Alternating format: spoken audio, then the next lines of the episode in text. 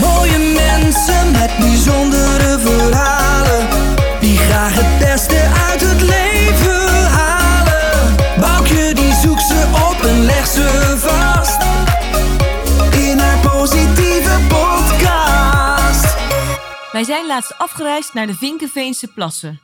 Daar zijn we via een ware speurtocht eh, bij een prachtige woonboot aangekomen waar Lou Niestad woont. Midden tussen de natuur en het water. Lou is een echte levenskunstenares. De energie spat eraf en zo was dat ook het hele gesprek. Ik heb er ontzettend van genoten en ik hoop dat jullie ook heel erg van deze podcast gaan genieten. We hebben samen teruggeblikt in haar leven. Ze is model geweest. Ze is al vroeg in verwachting geraakt van kinderen. En ook deze kinderen hebben hele mooie inzichten bij haar gebracht. Lou leeft onder het motto gewoon doen, just do it. Net zoals Nike dat zo zegt. En zij inspireert ontzettend ook om van je alledaagse dingen en de dingen die je eigenlijk al hebt, het allerbeste naar boven te halen. En dan maar eens te kijken wat dat je brengt. Heel tof.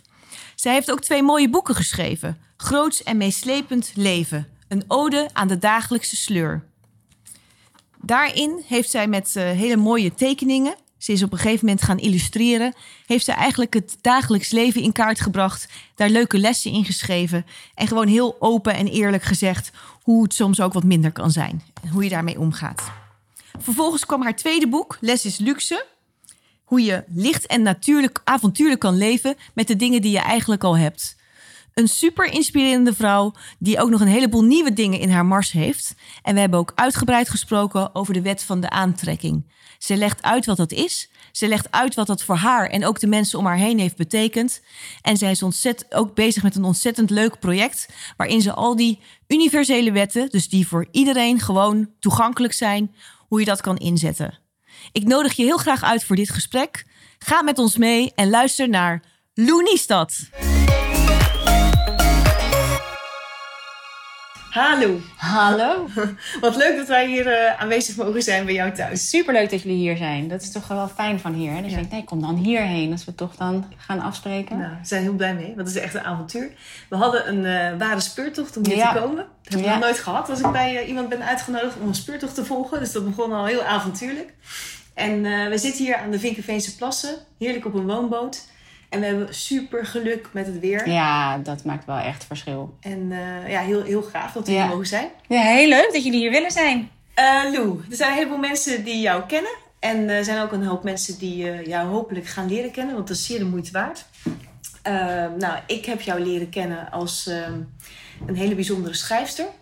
Even terug, dan ga ik naar het jaar 2013. Toen was ik op een festival en daar was jij vol verven een hele gave workshop aan het geven. En ik kende jou niet. Ik dacht, nou, er stond een hele grote rij. Toen dacht ik, ik ga daar eens kijken.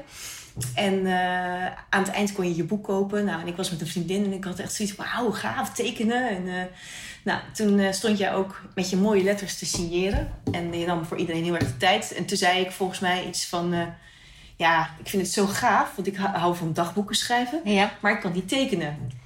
Ja, maar Boukje, jij kan wel tekenen. Dus jij hebt toen opgeschreven, Boukje, jij kan wel tekenen. Jij kan wel tekenen, uitroepteken. En eh, just do it. Eh, ja, iets wat ik ook gaaf Ja. vind. Want je moet gewoon eigenlijk aan de, aan de gang gaan. En eh, nou, toen ik met dit podcast-idee kwam, toen was ik aan leuke mensen aan het denken. En van wat heeft mij geïnspireerd de afgelopen jaren. Wel met ups en downs. Van de ene keer ben je weer meer met crea- Tuurlijk, ja. creatie bezig dan de andere keer. En toen moest ik aan jou denken. Ik ben toen ook gaan tekenen. Ik heb toen echt de dingetjes, de, de HEMA-pennen en de dingen. Ja, heb je allemaal gekocht. gedaan. Ja. Ik ben gaan tekenen en je had gelijk, want je kan dus tekenen. Je kan gewoon tekenen. En ik wist het niet. Nee, En ik dat wist het ook heel lang niet. het was voor mij een hele gave eye-opener van... Ja, eh, ze zeggen wel eens je moet 10.000 uur iets doen om het goed te leren. Ja. Maar je kan ook gewoon beginnen en kijken. Dat maakt ook dat je denkt, ja, maar dan moet ik het 10.000 uur doen, want anders wordt het niet goed. Ja, je, hoe meer je het doet, hoe beter je erin wordt. Maar het is niet zo dat je dat eerst moet doen voordat je kan beginnen. En dat is wat wij vaak denken. Nee. Dus jij maakt, tenminste jij hebt twee prachtige boeken geschreven. Van uh, Groots en Meeslepend Leven, een ode aan de dagelijkse sleur. Waar ik het graag zo nog even met je over wil hebben. Ja. Les is luxe en nog een heel mooi boek met je dochter. Ja. Dus ik kan jou eigenlijk wel, als ik het mag zeggen, omschrijven als schrijfster, Ja, creator. ja. Ik denk Maar dat maakt- creator is ook wel, want het is natuurlijk en tekenen en schrijven. Ehm, het is toch een, bijna een soort... Ik probeer altijd wel eens toch een soort levenskunstenaar te zijn. Het is gewoon het vastleggen van het leven wat we hebben. Ja. En want ook het schrijver zijn. Ja, met schrijver denk ik gelijk aan, aan literatuur. Maar dat is niet het soort schrijver wat ik ben. Dus, maar ik ben wel een schrijver. Ik ben echt wel een... Ja. een eh, ik heb echt wel een artist heart. Ja, Dus ja. en dit maakt het ook, eh, ja, dit maakt het ook heel meteen heel toegankelijk en eh, heel leuk om te om, ja, het is aantrekkelijk.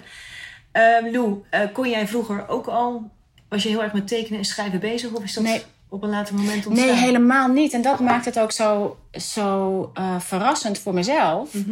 Ik heb nooit geweten dat ik kon tekenen. Maar het gekke was dat ik wel, wel wist dat ik altijd heel erg werd aangetrokken tot illustraties. Ik kon echt. Ik had vroeger de club. Ken je de club? Ja. De, van de Tina. Je krijgt daarna de Tina kreeg Club. Al die bladen, ja. Oh man, de club, dat was echt mijn leven. Als die in de, op de brievenbus of als die op de mat viel, dan rende ik er meteen mee naar mijn kamer. En daarin had je Piens klussenklapper. Ja. En die klussenklapper van Pien, daar ging, ze- dat was getekend en geschreven. Mhm. En eh, ik vond dat zo inspirerend. Het was met gewoon simpele tekeningetjes. En zij, dat ging eigenlijk over wat je kon maken voor je kamer. Of voor, weet je, en dus ik ging dan al die dingen maken. Mhm. De- do-it-yourself eh, ja, ding. zo do it yourself. Maar het was getekend en geschreven. En dat, het inspireerde me mateloos. Maar het was helemaal niet iets waarvan ik dacht, oh, dat kan ik ook. Mhm. Dus ik ging maar gewoon maken wat er in die klussenklapper stond. En dacht, oh, nou, dan is dat zeker de inspiratie. Maar ik heb door die, al die jaren heen steeds alles wat getekend was, dacht ik elke keer, "Oh!" Mhm. maar dan stopte het. Want het, het kwam niet in me op dat het iets is wat je kon doen. En toen kwam ik op een gegeven moment, stuitte ik op het boekje Everyday Matters van Danny Gregory. Ja, dat heb je ook in Heb je ik daar ook in geschreven? Ja. Hij is zo'n hotshot, eh, was een hele hotshot reclamejongen. Zo'n vrouw die, die eh, krijgt een ongeluk voor de metro, raakt in een rolstoel. En hij is gaan tekenen, gewoon zijn dagelijkse dingen. Mhm. Over wat hij inspirerend vond. En gewoon om zichzelf, gewoon zijn ontbijt tekenen. Weet je, die dagelijkse dingen. Om zichzelf een soort van been te houden. zen te houden. Ja. Ja. Mhm. En dat zag er zo tof uit. En dacht ik, oh! En dan stopte het. ik dacht helemaal, wauw, het was zo tof. En het was helemaal niet heel goed, maar ik vond het zo inspirerend. Mhm. En toen schreef hij gelukkig nog een boek, The Creative License. En daarin tekent en schrijft hij Mhm. dat je dat zelf kan doen. En pas toen dacht ik, oh, het is iets wat je kan doen. Oké, en, Het was je- heel bizar. En toen dacht ik, en nou ga ik het gewoon doen. en dan ben jij zijn, als het ware, handleiding gaan volgen? Ja. Of, Dus en inderdaad, was je toen? ik was toen, eh, dit, was in, dit was in 2008. Oké, Dus eh, twaalf jaar geleden. oké. Eh, dus 40. Ja.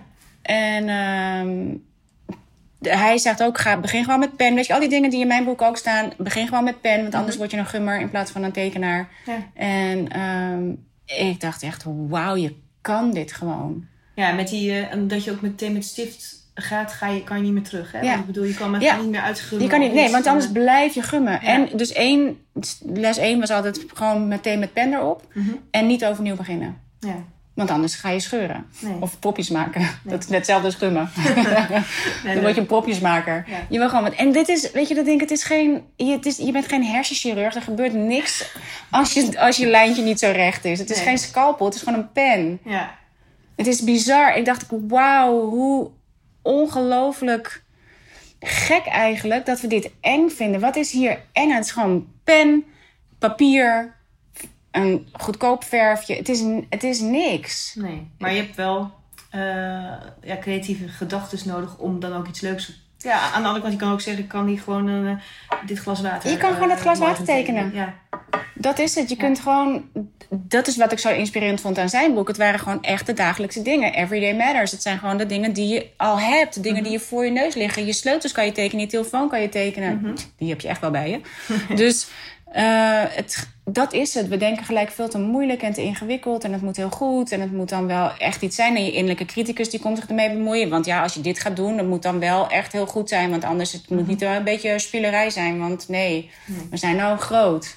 Nee. Dat vind ik wel heel intrigerend, want dat is dan ongeveer twaalf jaar geleden. Eh, ik heb een aantal eh, leuke dingen over je gelezen. Je bent in vroeger leven... Dus eigenlijk had je vroeger nog niks met tekenen, want daar was ik heel benieuwd naar. Nee, behalve dan dus je- tekeningen. ja. ja. Maar mijn zusje zei later, je zat wel altijd in je agenda te tekenen. Oké. wat ik nu nog steeds doe. Altijd ogen te tekenen. Maar het was veel meer als een soort van doedelen. En eh, gedichtjes erin schrijven, dingen erin plakken. Ik was wel altijd aan het knippen, plakken, tekenen. Als in doodles. Maar niet wat ik later ben gaan doen. En ik zag dat dus ook blijkbaar niet als iets als tekenen. En dit is wat er heel interessant aan is. Want, dan, want zij zei, ja, maar je zat altijd te tekenen. Want ik, ik ging dan ook die ogen tekenen in mijn agenda. Ja, je was je alleen niet bewust. Ik was me er helemaal eh, niet bewust aan van. Nee. was. En ik Nee. was ook niet het meisje in de klas wat altijd goed kon tekenen of hoge cijfers haalde bij handvaardigheid of helemaal niet. Dus het was niet iets wat ik, waar ik me bewust van was dat ik dat überhaupt deed. Nee. En dat de manier waarop ik het deed, dat dat goed genoeg is. Ja, dat is ook mooi. Ja, dat is mooi eraan. En als we dan even teruggaan van... ehm, jij bent model geweest in Ja. een... eh, nou ja, In een vorig leven. Oh, sorry, ik ga ja. de- ja, slaan de daar- discobal. de discobal, ja. En eh, dat, is, dat is natuurlijk een heel iets anders dan waar je nu mee bezig bent. Wil je ons daar eventjes in meenemen? Dat vind ik wel interessant. Het eh, modellenleven? Ja, van, eh, ook voor, voor jonge meiden. Van, dat, het ziet er natuurlijk heel eh, aantrekkelijk uit. Ja. Is denk ik ook een bijzondere tijd. Maar Het was zeker een bijzondere tijd. En dit is waarom het zo leuk is om achteraf, als je terug gaat kijken op het leven wat je hebt, dat je wel ziet hoeveel, eh, hoe die rode draad loopt. Want je zou kunnen zeggen dat het mijn allereerste echt bewuste manifestatie was. Omdat ik model wilde worden vanaf dat ik een jaar of negen was. oké. Want ik kende iemand die model was. Ik vond het helemaal... Oh man, ik adoreerde haar. Ze ging ook altijd met ons mee op vakantie. We hadden van die vakantie met zo'n groep allemaal. Ja. Alleenstaande ouders met hun kinderen. En eh, oh, ik vond dat helemaal... Ik dacht, wauw. Ik zat altijd alles uit te knippen. Uit bladen. dacht ik, wauw, je zou maar model zijn. Zij was jouw grote voorbeeld. Zij was mijn grote voorbeeld. En dat is dus iets wat je. Dit is als ik terugkijk. Mhm. Ik was altijd aan het uitknippen, plakken. Ik had altijd alle dingen die ik in bladen inspirerend vond. Dat schudde ik eruit. Dat hing ik op mijn, op mijn muur. Mhm. Eh, ik was model in mijn gedachten. Dan ging ik mijn zusje foto's maken en dan was ik model. dus als je nu gaat kijken naar waar ik nu mee bezig ben, dan was dat eigenlijk gewoon mijn allereerste echte manifestatie. Dus, maar ik ben relatief laat begonnen als model, zeker in die tijd. Omdat ik ook daarvan dacht, ja, niemand wordt zomaar model. Je wordt niet. Dus ik ging, ik ging de, eh, eh, de vakschool voor mode en kleding doen In Amsterdam? in Amsterdam. Daar was ik helemaal geïnspireerd, natuurlijk door de mode-illustraties. Maar daardoor ben ik styling gaan doen voor fotografie. En zo kwam ik toch in de fotografie terecht. En toen was er één model wat, eh, wat iets had met de paspoort. Die kon niet komen. En zij vroeg aan mij van, wil jij het doen? Eh, nou, oké. Leuk, leuk. Ja. switch, ja. Maar dat was echt... En toen stond ik voor die camera en dacht ik... Oh, dit is iets wat je kan doen. gewoon? Ja. Dus elke keer kom je er later uit. Ik denk, oh, dit kan je dus gewoon doen. Ja. En zij waren er helemaal enthousiast over. En zo werd ik model. Ja, ja, ja. En relatief laat, op mijn twintigste. Dat was voor die tijd echt laat. Mhm. Maar, eh, dus het was iets wat ik op jongere leeftijd in werking heb gezet op mijn negende. Het heeft elf jaar geduurd en toen was ik het. Ja, maar je hebt op dat moment ook eh, zelf gezegd, ik doe het. Dus je bent Ja. het ook gaan doen. Maar dit is Ja. hoe het dan toch ontstaat. Dan als je het. eh, het gaat of linksom of rechtsom. Het had ook veel eerder gekund. Als ik veel, mijn zusje was ook model. Die was ook model geworden. We hebben samen heel veel in het buitenland gezeten. We zijn allebei in Londen hebben gezeten. We hebben een Ook tijd in New York gezeten. We eh, hebben heel veel samen shoot gedaan. Ja. En mijn zusje die was wel eerder begonnen. Die was op de zeventiende begonnen. Maar ja, ik vond mijn zusje veel mooier. En ik dacht, ja, natuurlijk wordt zij model. En weet je wel, al die overtuigingen die je hebt. Dus ik had dat ook veel eerder kunnen doen. Je kan het eerder doen. Maar soms heb je gewoon tijd nodig om erachter te komen dat het iets is dat je, wat je kan doen. En dan worden toch alle omstandigheden wel zo. eh, dit is waarom het zo magical kan zijn. Alle omstandigheden worden gewoon zo voor je geregeld. Here's your dream. Weet je nog wat je wilde worden? Dit, Ja. al die plaatjes die je hebt geplakt, al die dingen, al die dingen, al die fotoshoots die je zelf hebt gedaan met je zusje Ja. enzovoort. En daar is Hier, hij. here you go. Ja. Dit is wat je wil. En wat er een heel mooi voorbeeld van is, is dat je kunt alles manifesteren wat je wil. Mhm. Maar het is niet per definitie wat je wil. Maar daar kan je vaak alleen maar achterkomen Door het eh, te doen. doordat je er bent. Dat je denkt, oh, nou ben ik model. En wat waar- hoe was het voor jou? Was het de droom die eh, uitkwam? Of Eh, van, eh, gedeeltelijk zeker. Mhm. Gedeeltelijk zeker. Ook al omdat het onwijs leuk was om met mijn zus in het buitenland te zitten. We hebben de hele tijd in New York gezeten. Mijn vader, die is piloot. Of die was toen, hij is nog steeds piloot, maar Mhm. toen vloog ik voor de KLM. Die vloog ons erheen. Die kwam ons. Mhm. vaak opzoeken. Ehm, eh, ja, dus dat, dat was geweldig. We hebben samen een tijd in Londen gewoond. Dus met mijn zus vond ik fantastisch. En eh, ik heb hele coole dingen gedaan als model. Ik heb echt groot, met grote mensen mogen werken. Dus het was echt wel eh, een, eh, een eer. ja. En, ehm, maar ik had pas toen ik per ongeluk zwanger werd van mijn dochter Kees, mijn oudste dochter, op mijn 25ste. Waarvan ik dacht, huh? Tijdens die modellencarrière? Tijdens mijn modellencarrière. Zo.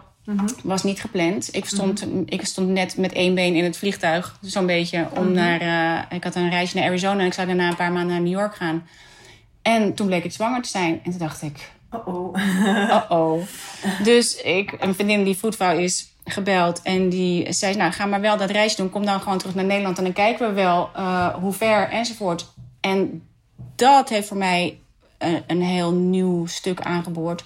Omdat ik tijdens dat modellen wel een soort eetstoornis heb opgelopen. Omdat je denkt dat je in een bepaalde maat moet passen. Of omdat, maar eerlijk gezegd was dat bij mij niet eens eh, de issue.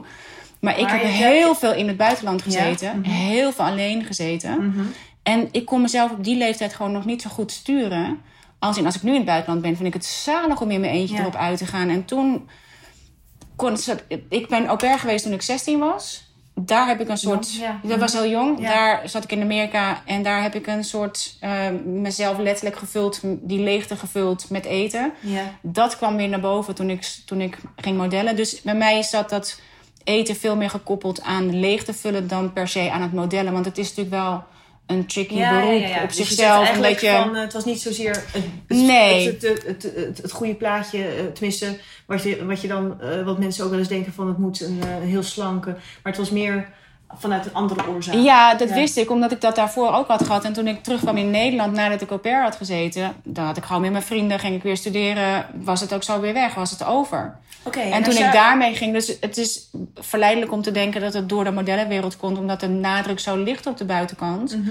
Dat heeft er alleen voor gezorgd dat mijn schuldgevoel erover groter was. Mhm. Daar had ik minder last van toen ik au pair was. Ja, dat vond ik gewoon heel vervelend, want ik kon mezelf niet Mhm. goed sturen. Maar als model, ja, dan wordt dat heel zichtbaar. En dat kan natuurlijk niet. Nee.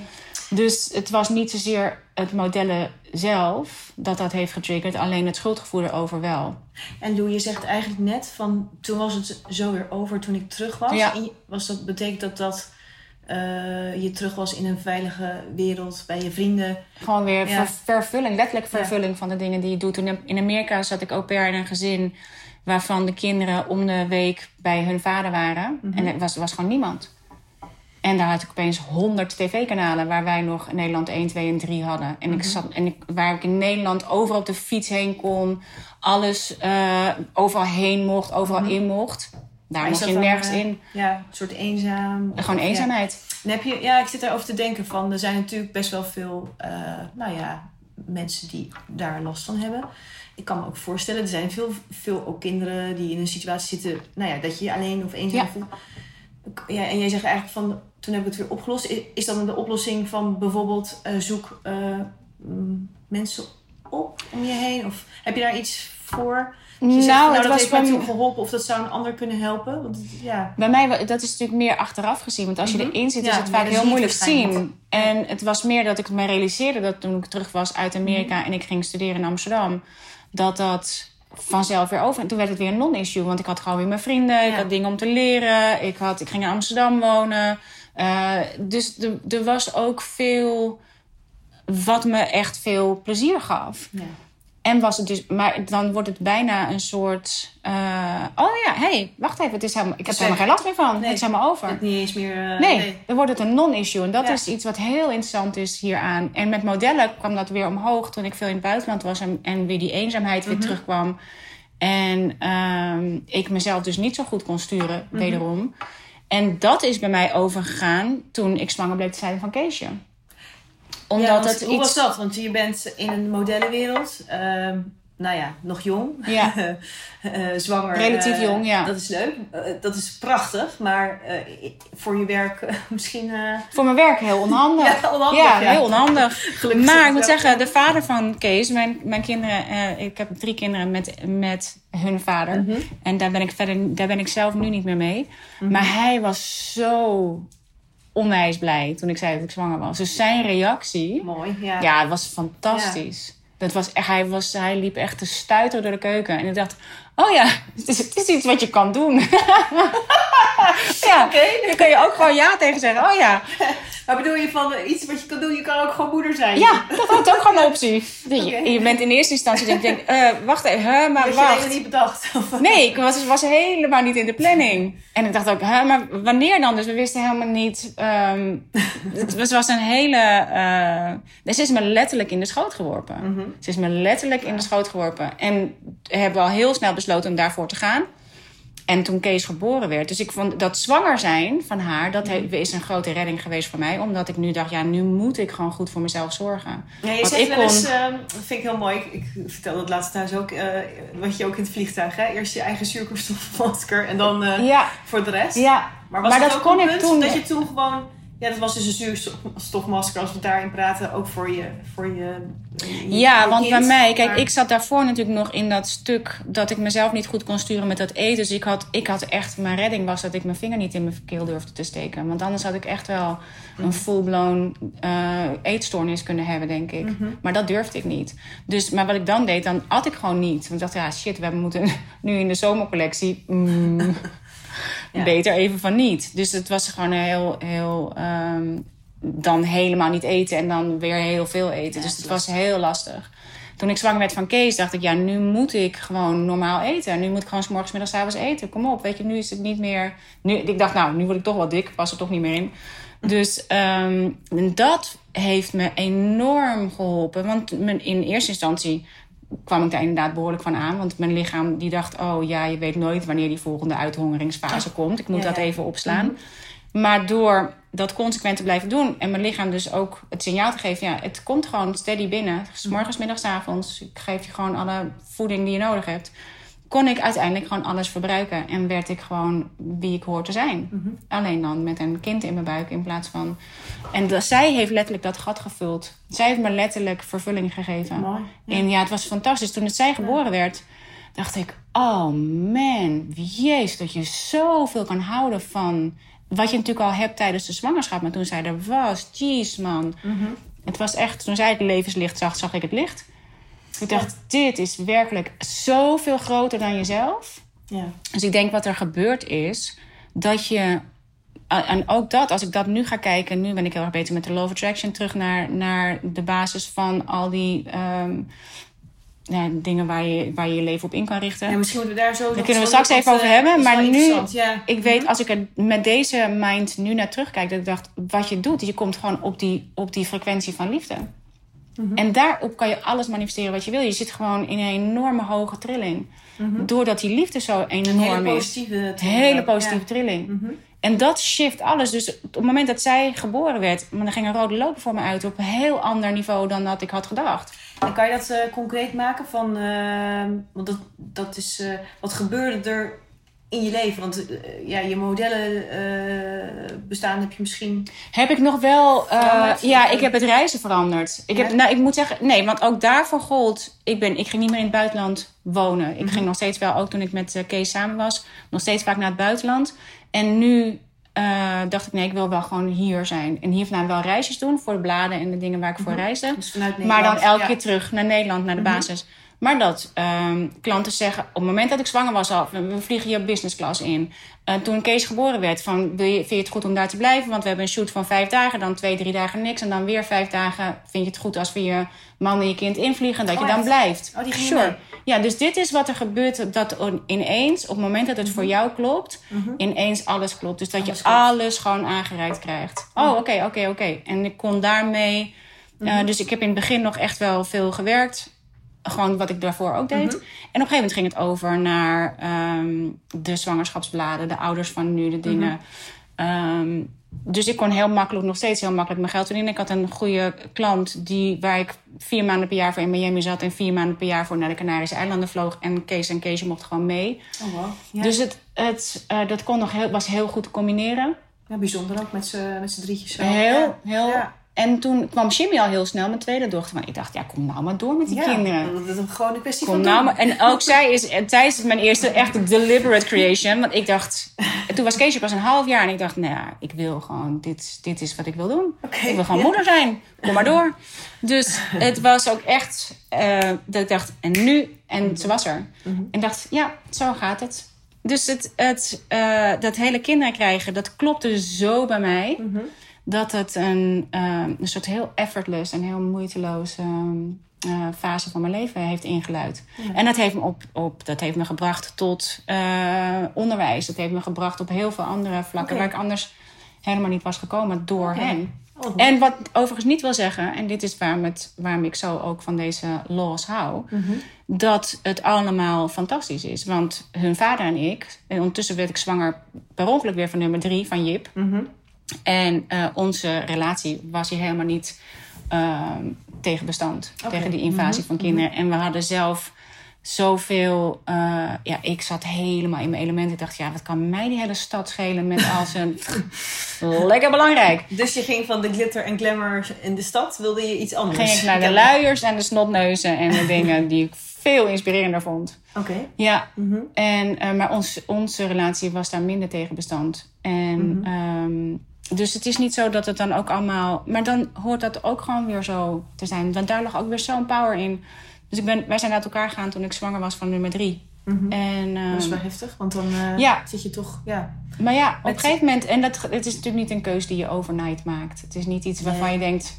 Nou, ik heb geen zin meer in... Nee, want Nee. je hebt kinderen. Mhm. En je, we hebben dat veel langer volgehouden... dan dat ik dat anders had gedaan. Mhm. Maar op een gegeven moment dan ehm, is de keus gewoon gemaakt. Dan Mhm. ja, maar dan... En, en met alle liefde ook voor hem. Ik dacht, ja, ik zet jou ook gewoon weer... Ik geef jou ook gewoon je vrijheid terug. Ik wil niet jouw wilde haren kort wieken. Mhm. Als je ze nog hebt. Ik denk, het is alleen tijd voor jou om op kamers te gaan. Dan dacht ik, doe gewoon de puber uit huis.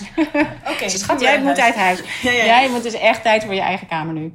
Ja, maar, eh, maar weet je, Lou, dat, eh, je hebt er eigenlijk van, van iets moeilijks heb je dat op een, eh, ja, Ja, toch wel op een mooie manier dan ook met elkaar weer opgelost. want Of, dat eh, is het. Want het is niet per se... Want dat gaat niet bij iedereen zo, hè? Ik bedoel, eh, Nee, niet iedereen kan dat zo... ehm, Maar het is een keuze zitten. die je Ja. kan maken. Ja. Want je hebt niet in de hand wat er, wat er op je pad komt. Maar je hebt altijd in de hand hoe je erop gaat reageren. En wat jij ermee gaat doen. Want er ligt altijd iets in. Je hebt niet de... eh, het, het, het leven is niet zo maakbaar dat jij precies kunt bepalen wat er gebeurt. Alleen als je ervan uitgaat dat alles wat er gebeurt voor je in je voordeel gebeurt. Mhm. En je gaat daarnaar op zoek. Dan denk je, nou oké, laat dan maar zien. Ik kan het even niet zien. Maar het moet hier ergens zijn.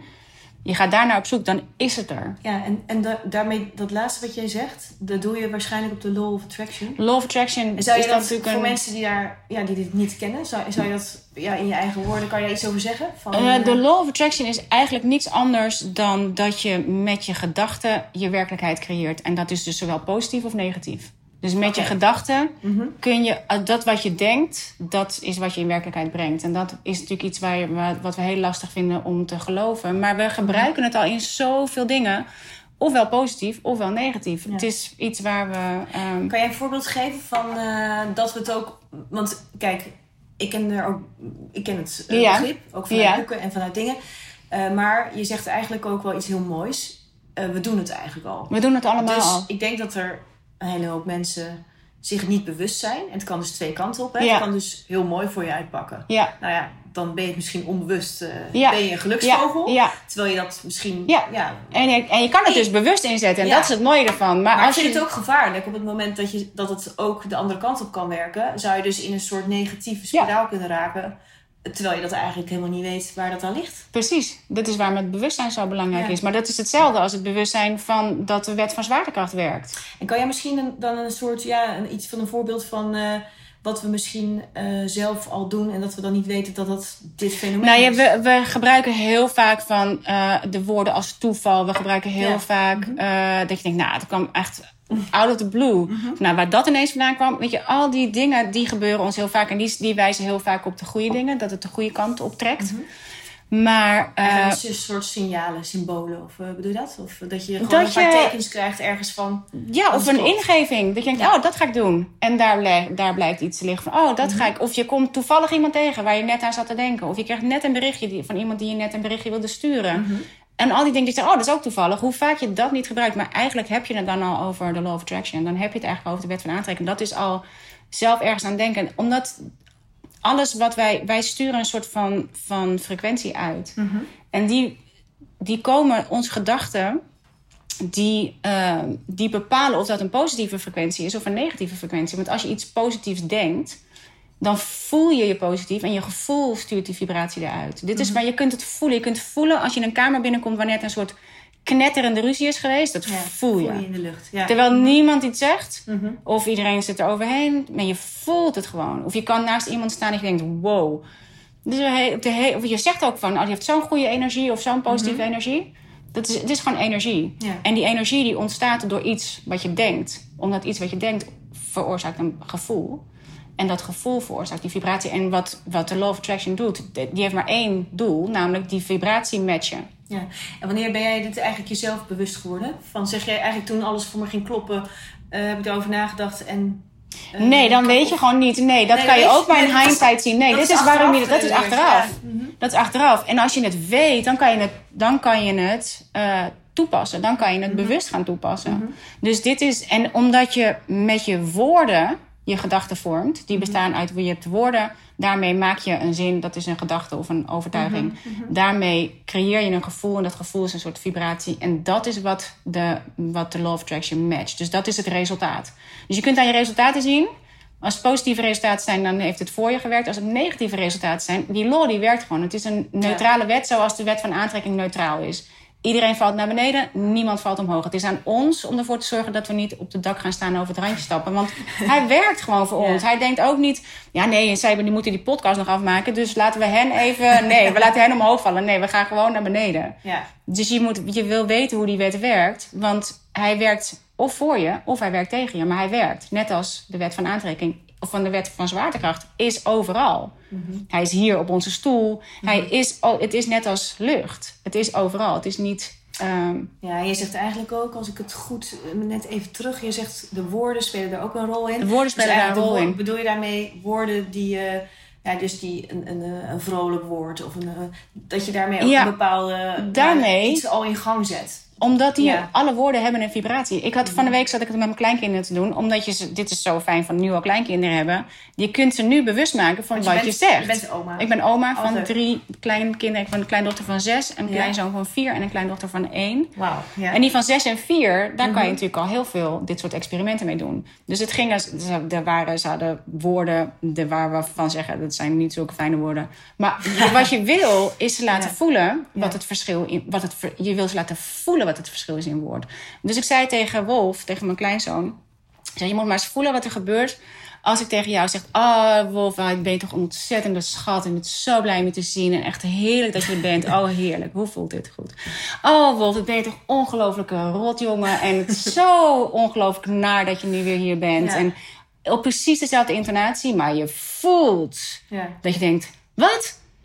En de toon is precies hetzelfde. De, het is allemaal precies hetzelfde, maar de, de, je, ik, kan het gelijk, ik kan het zelf voelen op het moment dat ik dat tegen hem zeg. Ook al is mijn intonatie nog zo lief en nog zo verleidelijk en nog zo. Nee, ik voel de intonatie, ik voel de vibratie van dat je dat tegen je kind, of in dit geval je kleinkind, zegt. Ja, ja. ja. Ook al eh, maak je er een mooie verpakking van. Het dat- gaat om die energie. Dus dat, zo, Ja. maak je ze het, zo maak je ze er al bewust van dat je woorden energie hebben. En dat dat dus iets doet met jou als persoon. Het doet wat voor de ander, want hij voelt het op het moment dat ik dat zeg. Ja. En dan is dit een spelletje. Dan is dit alleen maar bedoeld om uit te leggen wat, Wat er gebeurt Ja. als je dat soort woorden gebruikt. Maar het gaat mij erom dat je zelf... Ik voel bij mezelf, als ik dat tegen hem zeg... Mhm. Ook al is het een spelletje en is het ter illustratie... dan nog kan ik voelen wat het met mij doet. Ik denk, oh, dat, kan, dat, dat wil ik hem niet zeggen. Nee, nee, nee, nee. Dat wil ik helemaal niet zeggen. Dus eh, je voelt al, dat, dus het zit in woorden zelf. Maar wij gebruiken, en zelfs als we denken dat we het positief bedoelen, Mhm. dan zeggen we heel vaak negatieve dingen. Weet je, als je bijvoorbeeld zegt: Oh nee, nee, nee, eh, ik heb geen haast. Dan ben je toch, zit woordje je woordje op geen Ja. en het woordje op haast. En eh, de, de Law of Attraction kan niet lezen, het kan niet schrijven. Kan niet het niet, nee, als ik. ehm, eh, Google, eh, hè, want het is eigenlijk gewoon een searchmachine. Als ik Google geen podcast, Ja. nou wat krijg ik? Podcast. Alleen maar. Alleen maar. ja. Dus het woordje geen kent het niet. Maar wij zijn de hele tijd, onze search engine hebben we aangestaan op geen. Ik heb een mooi voorbeeld van mijn, mijn moeder gaan, en ik gaan elk jaar kamperen met onze campers en dan met de kleinkinderen. Mhm. En wij waren ergens en haar man die was daarheen, dus mijn stiefvader was daarheen eh, komen fietsen. Mhm. En hij zat bij de camper te wachten toen wij terugkwamen van een strandje. En mijn moeder zegt, hé, hey, heb je je sleutel niet bij je? Hij zegt, nee, die ben ik vergeten. Want hij zat buiten bij de Mhm. camper. Dus dat ik zeg de hele tijd tegen je, vergeet je sleutel niet.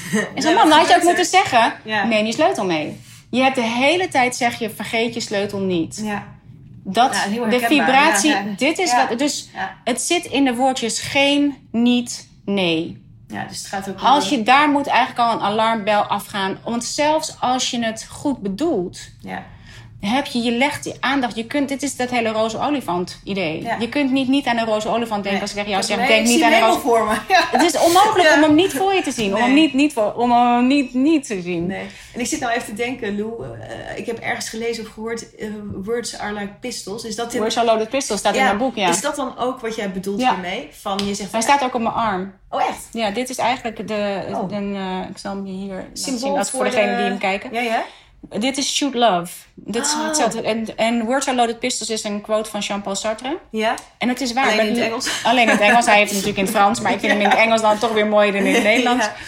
Eh, maar woorden zijn geladen pistolen. Je kunt met ja, een ander... En zeker, daarom staat hij bij mij op mijn onderarm. Dat ik hem zelf heel goed kan zien. Soort. Dat je heel bewust bent. Zeker als je kinderen opvoedt. Woorden zijn geladen pistolen. Wees je heel bewust wat je schiet met je tong. Met je scherpe tong. Want je kunt ze niet terugnemen. Nee. En je kunt een ander zo ongelooflijk genadeloos kwetsen met iets wat je zegt. Het is gewoon een vibratie. Het, is maar, het beukt er dwars doorheen. Ja. Dus shoot love. Als je toch wat zegt, zorg ervoor dat je een ander altijd iets. Dat je een ander altijd beter laat voelen. Als je daar niet heen kan, zorg er dan voor dat een ander ieder geval neutraal blijft. Maar zorg ervoor dat, je een ander, dat een ander niet zich slechter voelt. Doordat wij in, in aanraking zijn gekomen met elkaar. Dat ik. Dus dit is wat je. Je wilt het vuur in een ander aanwakkeren ja. en niet doven. Nee, je bent natuurlijk eigenlijk ook de hele dag aan het communiceren. Dus het is iets wat, wat de hele dag door maar gaat. En je communiceert met je energie. Ja. Dus zelfs als je niks zegt. Dit is waarom negeren, kinderen negeren, Hm. zo heftig is. Mhm. Want je hele energie zegt iets, namelijk ik negeer jou. Mhm. Dit is wat we doen met kinderen. En dit is zo tricky. Echt, echt never ever doe dat. Want als je dat doet, Mhm. Dan je zegt met je hele lijf en je hele energie: ik, ik negeer jou. Ja, ik zie jou niet. Nee. Ik zie jou niet. Ja. Maar een kind kan zich daar niet tegen verweren, want je zegt niks. Mhm. Maar die, die kan dus ook niet iets. ehm, die, die, kan, die kan er niks mee, want ze gaat twijfelen. Want ze denkt, ja, ik weet het ook niet zeker, want ze zegt eigenlijk niks. Mhm. Maar je voelt het. En dit is een. En dit, als je een experiment hiermee wil doen, die komt uit het boek eh, E-Squared. We hebben hem gedaan met de Lab of Attraction. heb ik samen met, eh met Sophie Ditmar gedaan. Hebben we die, zijn we die, die experimenten in dat boek gaan doen om te bewijzen dat die Law of Attraction bestaat. Ja. En dat is een. een eh, dan doe je in een eierdoos. Die vul je met aarde. En aan de linker rijtje doe je overal doe je twee. In al die dopjes doe je twee boontjes, spersieboontjes. Ja. En dan uh, je geeft ze gewoon water, zet ze op dezelfde plek. Maar de, je één kant geef je de intentie om te laten groeien. De andere kant negeer je. En, die, en even dan geef je de intentie om te laten groeien. Betekent dat je gaat de boontjes toespreken? Of, Ja, Of- dan ga, of- je, kan, je hoeft niks, eh, niks te zeggen. Je kunt gewoon met je intentie, je, je, je vestigt je aandacht alleen op het rijtje waarvan je wil dat het groeit. En dat kan zachtjes. Dat kan zachtjes, jezelf, dat kan in jezelf. Je kan het hardop doen. want Het kan op alle manieren. Maar het is, dit is waarom je kan zien dat het echt een, een energie Mhm. is. Want zelfs als je niks zegt, maar je, je focust je aandacht met de intentie dat de één kant gaat groeien. Mhm. En de andere kant negeer je.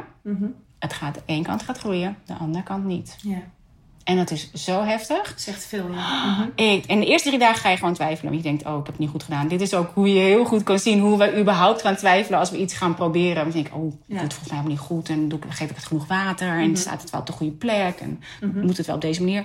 En dan zie je dat die ene kant gaat groeien en de andere kant niet. Dit is zo'n heftige energie. ja, en het is ook echt eh, te zien dan. Het is, Ja. Dat is waarom het zo leuk is om experimenten te ja. doen. Want daarmee kan je het fysiek Tastbaar maken, ja. tastbaar maken en zichtbaar maken. Want wij moeten geloven op iets wat we niet kunnen zien. Nee. Ik kan het Maar niet in een regeerbuisje stoppen en zeggen: hier, kijk, dit is de law of attraction. Nee, ik kan het niet zichtbaar maken. Ik kan, maar wij kan wel op zoek gaan naar bewijsmateriaal dat het waar is. Dus op het moment dat je je bewust bent van het feit dat woorden zo'n lading hebben. en je gaat in eerste instantie gewoon alleen op zoek naar waar gebruik ik zinnen inderdaad als. als je tegen je kinderen zegt: ehm, laat je jas niet liggen. Wat wil je dan wel? Wil je je jas ophangen? Je wil elke keer, dus het enige wat je doet in het begin is gewoon jezelf even Verbeteren. onder. Ja, dat je denkt: hé, hey, oh wauw, hoe. Ja. vaak ik dit niet zeg. Ik heb geen haast. Nee. Ik heb alle tijd. Ja. Je kan voelen, je kan het verschil voelen. Maar dit zijn nog maar dingen waarvan we, waarvan we eh, ze goed bedoelen. Ja, dan kan je volgens mij ook al een hele grote eh, verandering mee brengen. Enorme Ja. verandering kan je daarmee te dat alleen, Als zou je dat alleen maar doen, dat is genoeg. Ja, dat is heel mooi. Dat is genoeg. Ja, en doen we dan even, even helemaal terug naar het puntje van dat je in verwachting was. Ja. Alle kinderen. Ja?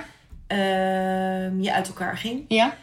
Hoe ben jij eh, vervolgens, want eh, ik weet even niet in de tijdslijn waar we dan ongeveer zitten, maar toen kwamen er hele mooie boeken.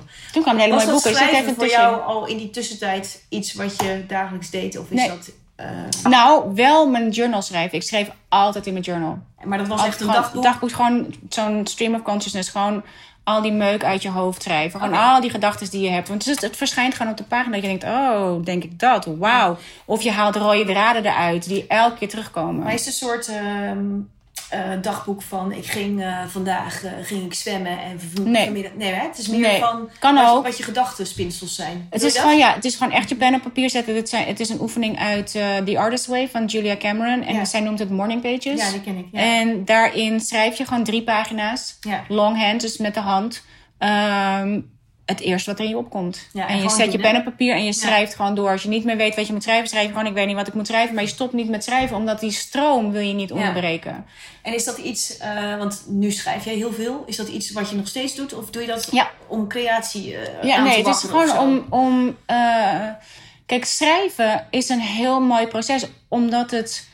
Ook als je iets voor jezelf wil manifesteren, schrijven is de eerste vorm van een fysieke manifestatie. Je hebt het vanuit je gedachten, Mhm. via je hand of via je vingers als je wilt typen. Maar hand, met de hand schrijven doet iets anders voor mijn. Pak, hersenen, ja. tap ik eigenlijk uit een ander Ja, stukje van mijn hersenen. Daarmee maak ik het zichtbaar. Mhm. Ik heb het ineens tastbaar gemaakt. Het staat ineens zwart op wit. Wat ik wil. Of wat ik niet wil. Het kan ook goed zijn dat als je met die los gaat werken, denk je ook, mag nooit meer denken aan wat ik niet wil, want dan manifesteer Ja. ik het. Maar dat geeft je heel veel informatie ja. Wat je dus wel wil. Want dan denk je, oh, wacht even. Oh, dit is wat ik echt denk. Oh, wauw, ja, dat gaat natuurlijk niet eh, me daar brengen. Je kunt onmogelijk iets negatiefs denken en iets positiefs creëren. Ja. Het kan niet. Het is geen match. Nee. Je kunt niet je negatief voelen en een positief resultaat behalen. En andersom ook niet. Nee. Het is geen match. Dus door te weten wat je denkt, kan je al die dingen omhoog halen. En je denkt, oh, En hoe kwamen we dan tot dit soort mooie boeken? law of attraction, baby. Want ook hiervoor Nee, geldt, de, hiervoor Ja. geldt. Ja. Kijk, ik ben eh, even, als we even Ja. heel snel er doorheen racen. Toen ik zwanger was van Jip, zijn Kees en ik uit elkaar gegaan. Toen ben ik twee jaar eh, alleen geweest met de kinderen. En toen dacht ik, ja, alles wat ik ga doen naar het modellen, dat moet ik fulltime gaan doen. Want ik, ik ken op dit moment niet iets waar ik zoveel geld mee kan verdienen zonder dat ik daar elke dag voor moet werken. En ik wilde gewoon zoveel mogelijk met de kinderen zijn. Ja.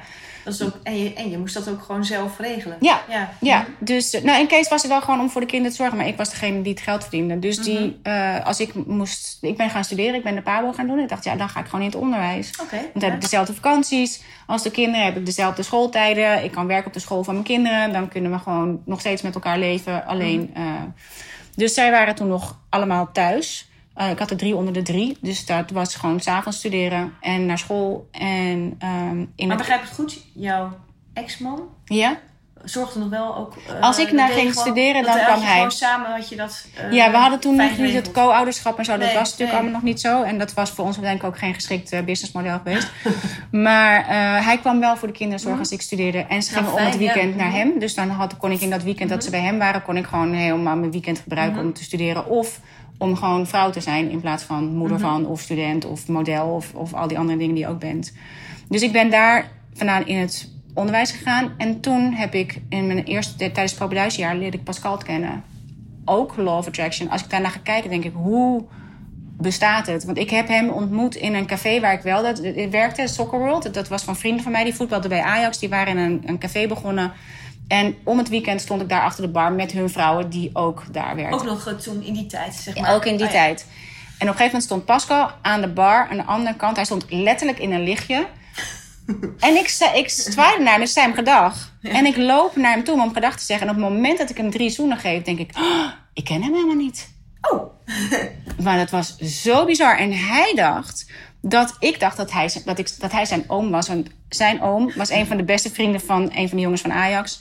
En ehm, dus hij dacht, oh, zij denkt dat ik dat ben. En hij had mij al gezien. Hij dacht, oh, dat is ook een spelersvrouw. Dat kan, dit zal wel, want het zijn allemaal spelersvrouwen.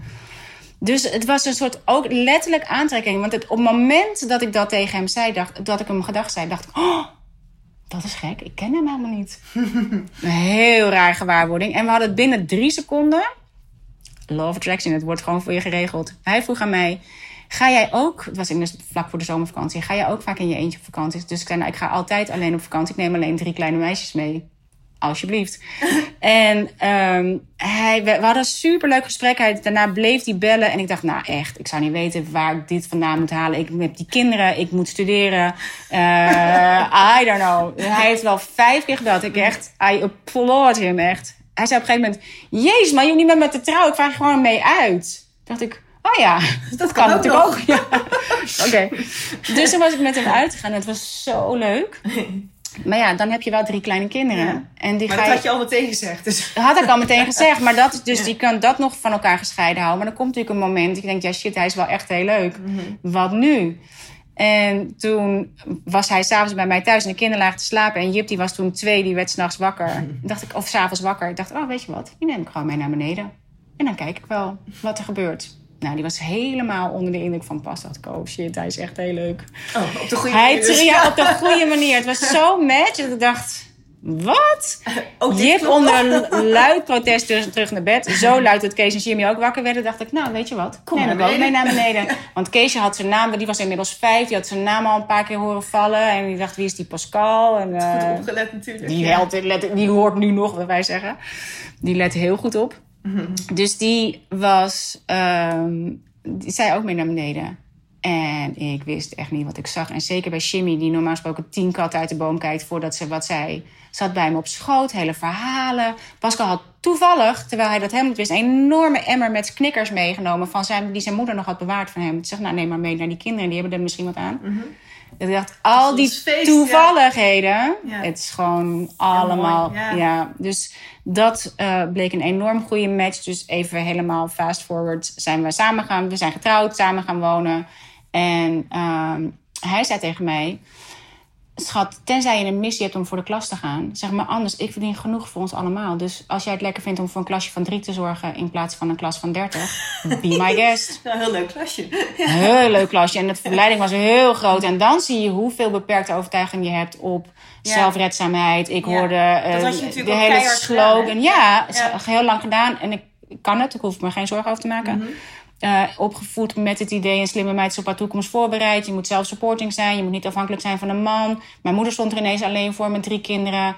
Dus ja, je wil wel je eigen geld verdienen. Dus dan kwam ineens zoveel. Wauw, dacht ik, oh, dit is wel echt een, een goede test om te kijken wat er gebeurt als je dat doet. Ik heb toch dat aanbod aangenomen om voor een klasje van drie te Ja. zorgen. Maar je had dus wel eigenlijk, want ik, dat vind ik wel herkenbaar. Van, eh, ik denk dat een heleboel mensen dat herkennen. Je had wel al die beperkende gedachten van... eh, Enorm. Wat denken mensen wel niet? Enorm. Of eh, moet ik niet gesteld dat, Ja. wat dan? En, En die worden je ook allemaal Ja. wel aangepraat. Of die worden je ook allemaal wel... Nou, dat zou jij nu ook hebben met Ja, de keuzes die je maakt. Dat, wordt ook, spannend dat is best spannend. Van, is dat dan niet zonde van je opleiding? En word je nou serieus afhankelijk van een man? En al die dingen. Dat ik dacht, wauw. Mhm. Ik ga het zeker aannemen, dit, voor, dit voorstel. En dan ga ik ga pas weer wat doen op het moment dat ik helemaal oké kan zijn en zeggen: ik doe niks. En dan punt. Ja. Ik Dus doe niks. Wat doe jij? die Ik doe niks. uitdaging aan. Ja. Ja, want je merkt op het moment dat je eh, in gesprekken is, een van de eerste dingen: wat doe jij? ja. Niks. Maar dat is eigenlijk als het ware, een wordt het als een stukje identiteit. Helemaal. Dus Ja. je, je hele ego gaat natuurlijk echt een soort van paniekaanval. Want die denkt, oh, nou ben ik niks meer. Ik ben nou geen model. Ik ben geen eh, eh, Ja, juf. Welk, welk hokje is ik ben, ik heb, waar is mijn hokje? Ja. Ik heb geen hokje waar ik in pas. Dus, maar ik bleek wel degelijk een missie om voor de klas te gaan. Dus dat heb ik het daarna alsnog gedaan. Maar niet zonder dat ik dat... ehm, maar daar heb ik ook die hele, als ik ga kijken naar wat er allemaal voor ons is gaan werken op het moment dat je jezelf de ruimte geeft om die stappen te volgen voor wat je echt wil. Alles, er gaan. Maar wist je al, voor je eh, kijk, want het is natuurlijk ook nog een hele stap van eh, dingen niet te doen. En, maar dan heb je niet automatisch ook van de, de, het idee van wat ik wel, wat je wel wil. Wist je dat direct? Nee, dat, dat is Of heel vaak weet je het pas als Ja. je weet wat. ah, nou ja, als je weet wat je niet wil, Mhm. dat geeft je gewoon heel veel informatie over wat je eigenlijk wel wil. Mhm. Wij blijven alleen te vaak hangen in wat we niet willen. En dan blijven we meer krijgen van wat we niet willen. Want dat is wat die lol doet. Die matcht voor jouw vibratie. En je kunt het terugzien in de resultaten. Mhm. Als de resultaten daar zijn die je niet wil, dan heb je je dus gefocust op wat je niet wil. Want dit is wat hij kan je alleen maar meer geven van wat jouw vibratie is. Dus eh, dat gaf mij gewoon heel veel, heel veel informatie over wat ik niet langer wilde, maar nog niet per se van wat ik wel wilde. Pas, en, maar toen ging ik kinderyoga geven aan die kinderen. Die kinderen zijn altijd een soort leidraad geweest. Dus bij ons waren altijd bergen kinderen mee naar huis. Iedereen bleef eten, iedereen bleef slapen. We konden allemaal in de tuin slapen. Weet je, het was echt een soort kinderparadijs, maar dan zonder ballenbak. En ehm, dat vond ik heerlijk. Ja. En dat vond ik, dacht, ja, dan is het misschien niet op macroniveau. Ik sta niet voor een grote klas, maar ik ben een keukentafeljuf, bij wijze van spreken. Ik, ik heb de gesprekken hier aan de keukentafel met de kinderen en, en de kinderen van vrienden. Of, of vriendinnen die wel moeten werken voor hun geld, omdat ze er alleen voor staan. Dat je kan zeggen, hey, je geeft je kind maar mee naar huis. En ik haal hem maar op aan het einde van de dag, eet mee en neem het mee naar huis. Ja. Dus op die manier doen inval, ja. gaf me enorm veel voldoening. Toen ben ik uiteindelijk wel weer naar, de, naar in het onderwijs gegaan. En toen gingen mijn kinderen, eh, zaten inmiddels allemaal op de middelbare school. En dacht ik, wauw, hier is het, ze groeien zo hard. Ik wil eigenlijk het liefst gewoon thuis zijn. Mhm. Ik wil eigenlijk, en eh, mijn onderwijs is, is heel erg geëvalueerd. Ik ben les gaan geven aan hoogbegaafde kinderen. Ik heb lesonderwijs gemaakt voor hoogbegaafden. Ik werd gevraagd door de middelbare school. Zaten mijn kinderen ineens. Dus eh, Law of Attraction zegt, daar moet je zijn. Want jouw Mhm. Daar keuze, daar zijn jouw Ja. kinderen. En daar ben jij over het algemeen. Mhm. Eh, werd ik gevraagd door de middelbare school om mee te helpen denken over de slimme kinderen. Hoe houden we ze erbij om studiedagen te organiseren. Dus ineens zat ik in een soort heel andere rol. Mhm. En ehm, toen wilde ik heel graag thuis blijven. En zo kwam ik uiteindelijk op mijn boeken. Dat ik dacht, ik wil het allerliefst gewoon met die kinderen zijn. En eh, er hier voor hen zijn. Mhm. Ze groeien zo hard, man. Ik vind het zulke toffe mensen. Ik, dit is, waarom zou ik daar niet bij zijn? En toen ben ik gaan tekenen en schrijven. Onmiddels had ik eh, Danny Gregory ontdekt. Ben ik gewoon gaan tekenen en schrijven over dagelijkse dingen met mijn kinderen. Gewoon vastleggen, zwart op wit, in dit geval kleur op wit. Van een simpel leven goed geleefd. Dit is wat we hebben gedaan vandaag. We hadden gezinsdagboeken waar we van alles in tekenden en schreven. En in knipten en plakten.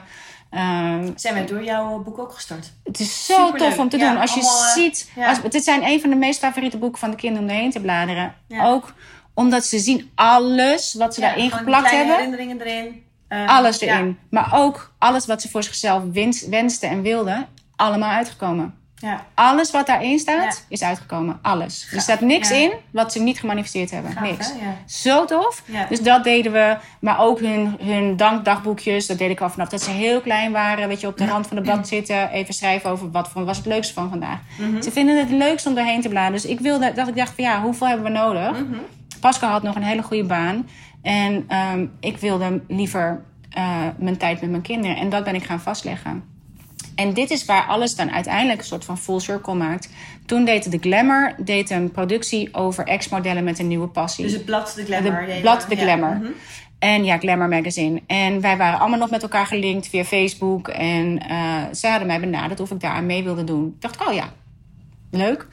Daar heb ik... ehm eh, de Alice Beijers interviewde me voor dat, eh, voor, bij, die, eh, bij dat artikel. Ja. En zij mailde me twee maanden, drie maanden na dat artikel. En ze zat, ik ben bij Cosmos Uitgevers. En ik moet een recensie schrijven over een ander boek van Barbara Tammes. En ik moet zo aan jou denken, dus ook met illustraties. Vind je het goed als ik jouw informatie doorgeef hier aan de uitgever? Ik zeg, laat me er even over denken. Not. En zeg, uiteraard. Dus ik, heb een, ik had een heel leuk gesprek met eh, Martine Litjens van eh, Cosmos Uitgevers. Ja. En we hadden elkaar ontmoet. En dat was gewoon zo'n informatie, zo'n zo'n kennismakingsgesprek van wie ben je, wat doe je. Ze had mijn werk gezien en zij zei... En jouw werk was toen, was dat echt je privé? Ja, het was gewoon mijn journals. Ja, van, eh, ja, gewoon mijn dagelijkse dingen. En ik, wat, ik maakte odes aan ik, tien dingen die ik van mijn vader heb geleerd. Dit is zijn dingen die je kan doen als je wil focussen op de goede dingen van... Mhm. Alle dingen die niet goed zijn. Ik kan, ik kan misschien honderd dingen bedenken die ik niet goed zou vinden. Maar als je ervoor kiest om je te focussen op de dingen die wel goed zijn, noem het tien dingen die goed waren aan je relatie met je vader. Noem het tien dingen die goed zijn aan de relatie met je moeder. Noem het tien dingen die goed zijn aan de relatie met je broer, je zus, de president. Geef me tien dingen. De, sommige dingen zijn heel uitdagend, Ja. maar je kunt ze altijd vinden.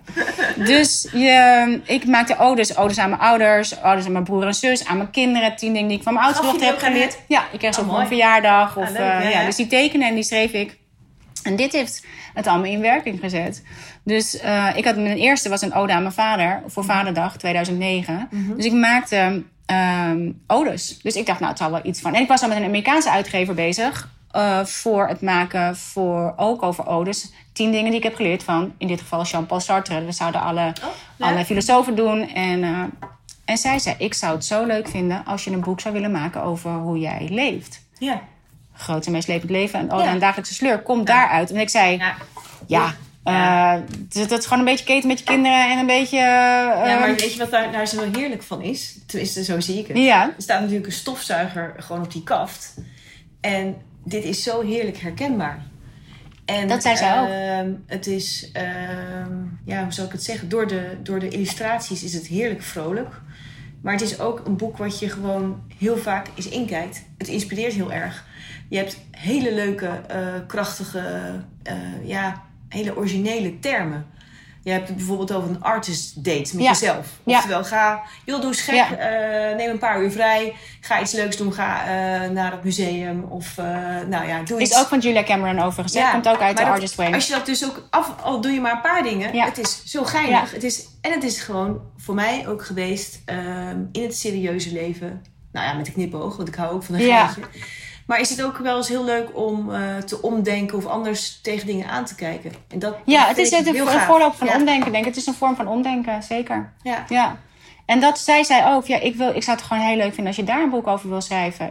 Maar de- in eerste instantie dacht ik, hè, maar dat, dat is gewoon, weet je, dat is heel een soort van persoonlijk. Heeft een ander daar dan wat aan? Ze zei, ja, maar die dingen waar je tegenaan loopt, die zijn gewoon universeel. En de manier waarop jij ze oplost binnen je gezin, Ja. eh, dat vind ik heel inspirerend. Dus zo, is, zo ben ik schrijver geworden. En dit is waarom het zo cool is. Ik ben niet gestopt met lesgeven om schrijver te worden. Ik ben gestopt met lesgeven omdat ik met de kinderen wilde zijn. En omdat Ja. ik zo graag met de kinderen wilde zijn. En dat vast wilde leggen als een soort van eh, bewijs van een leven goed geleefd met elkaar. Dit is wat we hebben gedaan. Dit is hoeveel ik van je hou. Dit is hoeveel, wat, wat ik heb gezien. Dit is wat ik vind dat je goed kan. Dit is wat ik zie. Dit is waarom ik het zo fijn vind om hier te zijn met jullie. En omgekeerd. Want het is een absolute wederzijdse liefde van mij naar de kinderen en de kinderen naar mij of naar ons. Ja. Dus het is een. een ehm, dat wilde ik vastleggen. Dat is, daar had ik voor gekozen. Maar dat en is dat dus- heeft geleid. En dit is wat die laws doen. Je volgt gewoon wat jij het liefste doet. Ja.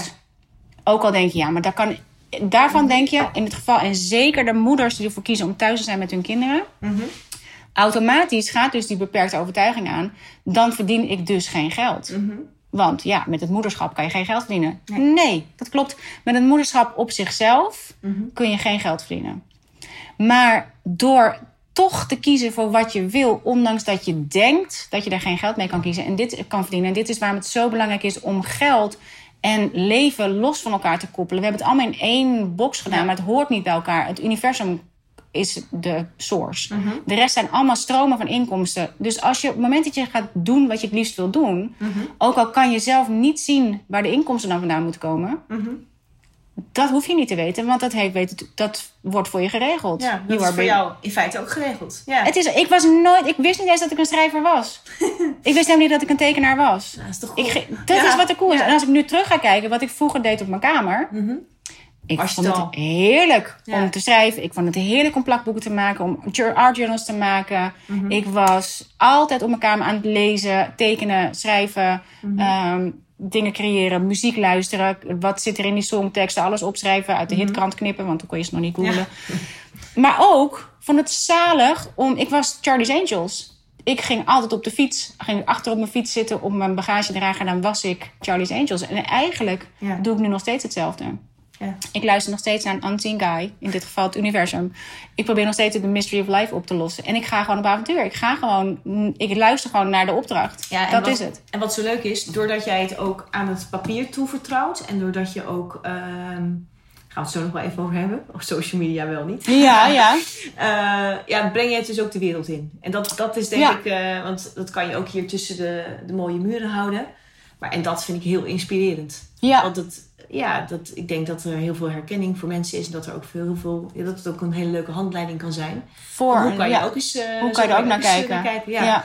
En Lou, dan is dit het boek eh, Ode aan het dagelijkse sleur. Ja. Dus gewoon, ehm, eh, hoe, hoe zou je dat zeggen? Van eigenlijk, eh, hoe maak je je, je dagelijks leven, maar ga je op avontuur? En hoe maak je het spannend? En, eh, ja, en want is, het zo allemaal weinig In voor nodig. zeg Alles is er eigenlijk al. Is ja. al. Je, hoeft niet heel, je hoeft niet heel veel geld aan uit te geven. Helemaal hoeft niet. Nee. Helemaal niet. Nee. Nee, het gaat erom, ehm, als je toch de was moet doen, Ja. stop dan al je, weet je, als je toch die, als ik doe het nu weer met de, met de kleding van mijn kleinkinderen als ze hier hebben geslapen, als ik het opvouw, dan stop ik al mijn liefde in dat, in dat pyjamaatje. En dan denk ik, oh, als je dit pyjamaatje aantrekt, jongen, dan heb je toch mooie dromen. Als ik Pascal zijn shirt sta op te vouwen, denk ik, oh, als hij dit aan heeft, dan, dan, echt, dan voelt hij zich zo sterk en zeker. En zelfverzekerd, had de beste deals binnen. Je stopt gewoon dat wat je voor een ander wenst, Ja. stop je in die kleding. Die kleding moet je toch opvouwen. Ja. Dus Of je kan alles uit de handen geven, dat kan ook. Maar denk ik, ja, maar dit Ja, is mijn maakt- leven. Maakt het ook wel wat interessanter. Dat je de kleding Je aan het opvouwen bent. toch doen. Ja. En ook omdat het je instant dankbaar maakt. Want op het moment dat ik dat sta te doen, ben ik me ook bewust van de hele weg die het heeft afgelegd voordat het bij mij in de kledingkast terecht kwam. Mhm. En is het voor de highest good of all? Wat heb ik hier in handen? Weet je, is dit iets waar heb ik mijn geld aan uitgegeven? Is het iets waar ik mijn geld aan uit wil geven? Mhm. Is, het, eh, voor, is het voor een betere wereld? Of is het alleen goed voor mij? Is het alleen Ja. om er leuk uit te zien? Of is Mhm. het, draagt het werkelijk iets bij? Heb ik er iets eh, is iedereen die hierbij betrokken is geweest daar beter van geworden? Of is, ben ik er alleen beter van geworden Mhm. omdat ik er goed uitzie? Ja, want dat, ehm, eigenlijk je tweede boek, Les is Luxe. Kan jij aangeven hoe dat is ontstaan? Want dat is, ehm, dat vind ik heel grappig hieraan, van groots en meeslepend. Dat, en dan Les is Luxe. Ja, dat lijkt een heel, een, is het een soort van paradox. paradox. Ja. En aan de andere kant de ondertitel een ode aan dagelijks sleur, dat is natuurlijk niet. Maar kan jij zeggen wat, eh, dit, dit is echt jouw boodschap, simpel leven, het is er al. Alles En- is er al. Ja, Ja, en het leuke was- ontdekt, zeg maar. Van, nou, eh, eigenlijk door het succes van deze. mhm. Want ineens werd ik in plaats van groots en meeslepend te leven, werd ik groots meegesleept. Doordat iedereen geïnspireerd raakte door het boek. En iedereen zei van, oh, zo te gek. En ik was maar drukker en drukker en drukker. En dan dacht ik, en waar de sleur? Ik denk, als dit het is om schrijver te zijn en illustrator te zijn... en opeens ben ik iedereen aan het, aan het inspireren om dat te doen... maar ik heb er zelf geen tijd meer voor. denk dan, ah, ben ik een soort fraudeur. Want eh, waar is mijn eigen grote en meeslepende leven in die dagelijkse sleur? Dus, en ik was met Pascal, wij gingen op vakantie en ik ben ook wel ontzettend om gelachen. Want wij gingen, eh, we hadden een camper gekocht, of een, een, eh, eh, een soort van camper gekocht. En de kinderen, die hadden zoiets van, nou mam, sorry, maar daar gaan we niet meer in mee. Maar we hadden wel in de zomervakantie, te groot, of, want te klein, want oh, weet ja, ja, ik het. camper Maar te ze, klein, maar de de camper te kleine groot. kinderen te groot. En die hadden allerlei andere plannen. Maar wij hadden het om de zomervakantie heen geboekt, want... ehm, ja, dat was nog omdat we dat automatisch deden. Dat Kinderen gingen niet mee, was zomervakantie. We dachten, nou dan gaan we... En we hadden met Patty, een vriendin van mij, afgesproken. Die ging ook met haar zoon. En we hadden, zouden in Portugal gewoon lekker rondtrekken. En zij was inmiddels al weg. Het idee was dat wij twee weken daarvoor al van zouden gaan. En dan zouden we gewoon samen gaan. En dan zouden we haar daar zien. Puntje bij paaltje. Ik was heel druk met schrijven. Ik was heel druk met. Ik werd opeens gevraagd voor de bladen om overal voor te illustreren en te maken. En ik dacht, oh, mijn ego ging overal aan. Ja, ja, ja, jij, maar je bent wel de, echt de meest gewenste illustrator van dit moment. En dacht ik, oh ja, meest gewenste. Oh ja, cool. Ja, ja, ja. Man, ik zat me helemaal gek te werken. Toen dacht ik. En elke keer zei ik, ja, nee, nee, dan gaan we morgen. Want ja, Pascal was ook heel druk. Toen zei ik, geef me nog even deze deadline, nog even deze deadline.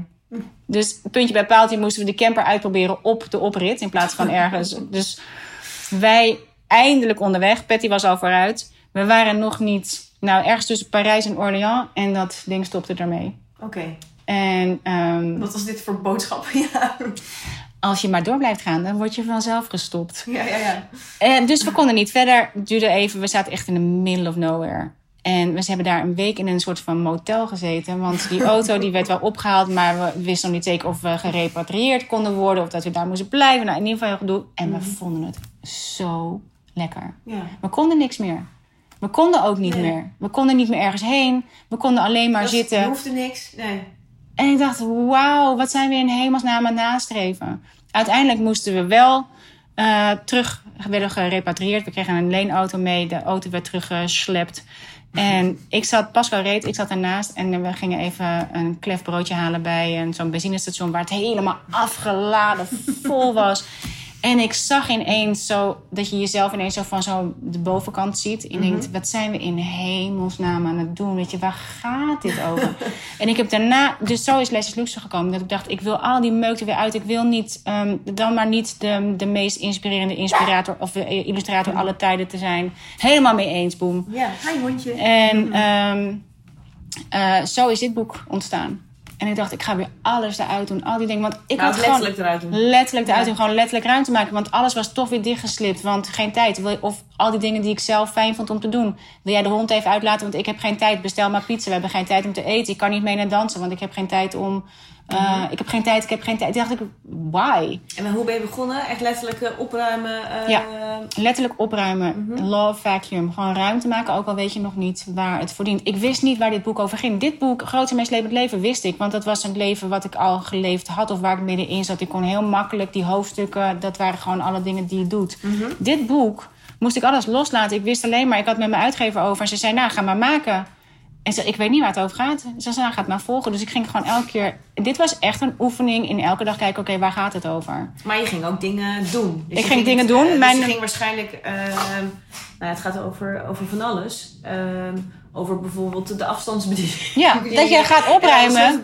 Op. Dus eh, je bent echt letterlijk... Ben je Letterlijk gaan opruimen. begonnen. Ja. En, Laadjes uitpakken, al die dingen. En tot, tot hoe ver ben je gegaan? Want ik bedoel, je komt ook in huizen, ehm, dan is Marie Kondo eh, bezig geweest. Ja, nee, het Maar is... eh, Maar op, op welk moment was het goed? Want ik bedoel, op het eh, moment dat het weer gaat stromen. Ja, Het is gewoon, je hebt gewoon letterlijk dus de hele energie gestagneerd. Omdat je alles vol... Wat moet je met acht afstandsbedieningen waarvan je niet eens meer weet waar ze voor zijn? Je bewaart het allemaal omdat je niet denkt, ja, ik heb het nog nodig. Of het hoort ergens bij. Of... ja.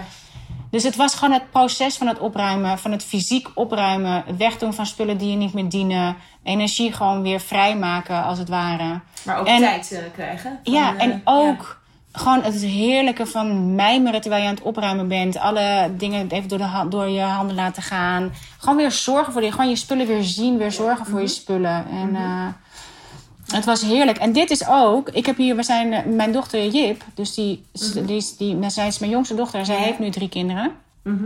Wij zijn tijdens het schrijven van dit boek zijn we eh, tien dagen naar Brazilië gegaan. Want zij was heel lang steeds ziek. En ze bleef maar grauw en ze bleef maar grauw. Ik dacht, nou, we moeten gewoon naar de zon. En we hebben haar meegenomen naar Brazil. Ja. En daar heb ik zitten tekenen en schrijven. En toen was een dag was, was Pascal met Jippie samen naar het strand. En ik zat bij ons huisje te schrijven. En ik was dit aan het tekenen in het koffertje. Daar staat Ah. Live op. En het is een, ko- een koffertje van de V&D. Dat was mijn koffertje wat ik bij me had. En ik had gewoon zin om dat te tekenen. Toen we terugkwamen uit, eh, van die reis... toen bleek dat Jip zwanger was. Nee joh. Ja, dus ze had gewoon steeds een hele verkeerde diagnose gehad. Ze had eerst een verkeerde diagnose Oh, gehad. nou En, daardoor... gelukkig, ja, ja. en ehm, haar dochter heet Liv. Maar had je dat, bedoel je Dit- dat had je er al opgetekend? Dit, dit heb ik getekend terwijl we daar waren. Toen bleek ze dus zwanger te zijn, wat wij niet wisten. We komen vervolgens thuis, ze blijkt zwanger te zijn.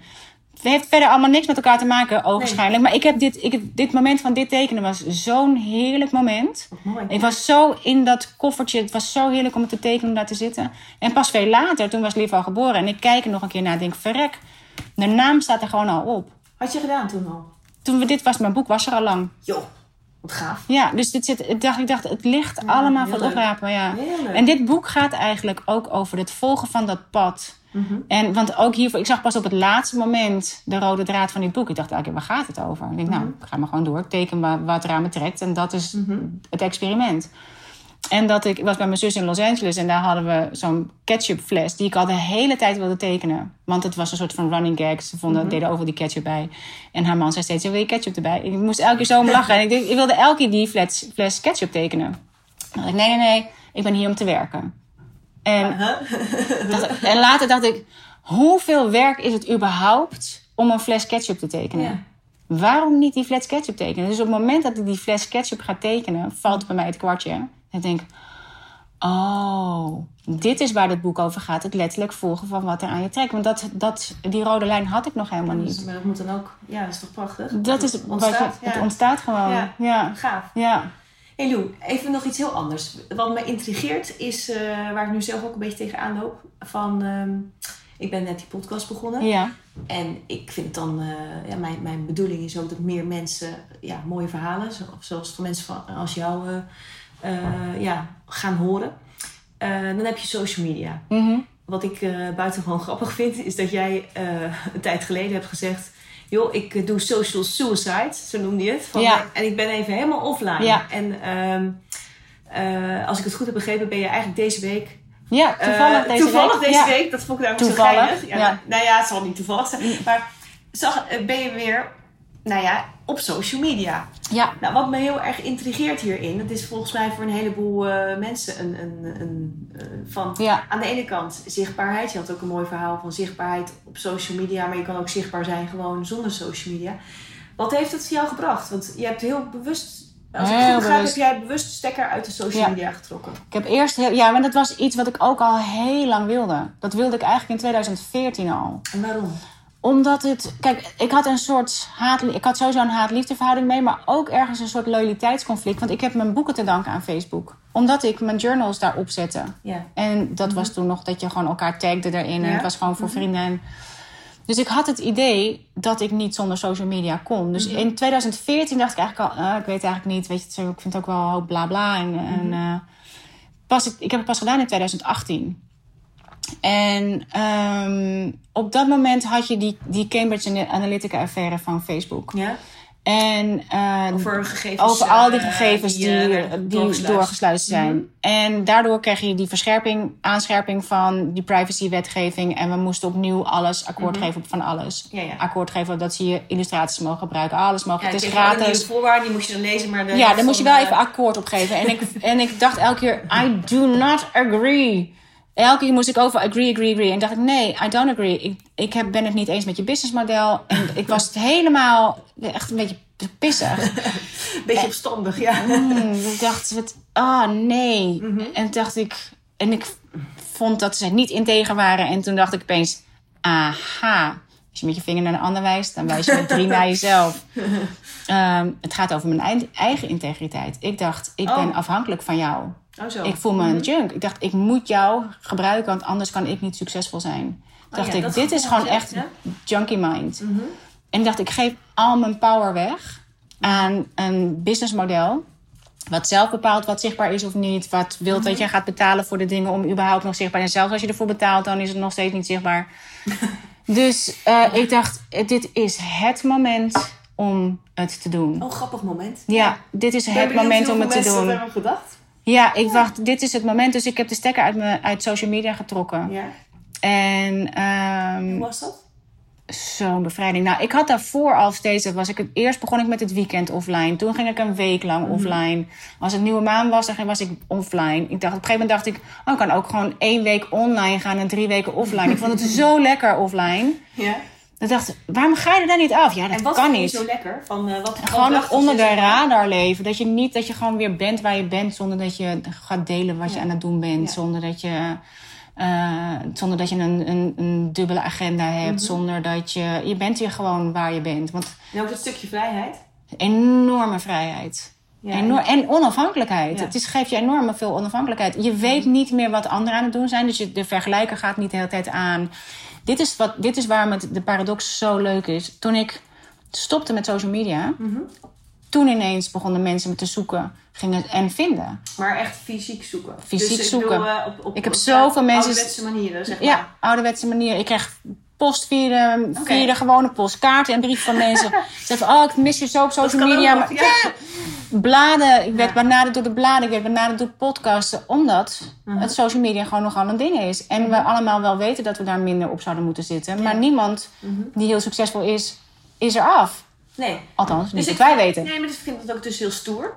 Van, Dus, het- eh, maar ik, had, ik dacht, ja, maar als het over integriteit gaat. En het was dus ook de bereidheid om dan maar geen business te hebben. En ik dacht, als, als mijn business inderdaad afhankelijk is van social media. Maar vind jij dat? Nee, dat, dat dacht ik natuurlijk Ja, toen. ja. ja.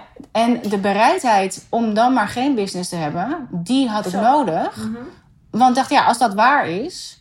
Ik weet niet of het waar Dat is is. best een heftige. Ja, Ja. maar ik dacht, ik heb, dit is ook geen integere business. Want nu ben ik hier omdat ik denk dat ik hier moet zijn. En als het inderdaad waar is dat je niet een, zo, een, een succesvolle business kunt hebben zonder social media, dan, zo be it, dan, dan maar geen business. Nee, eigenlijk zeg je van...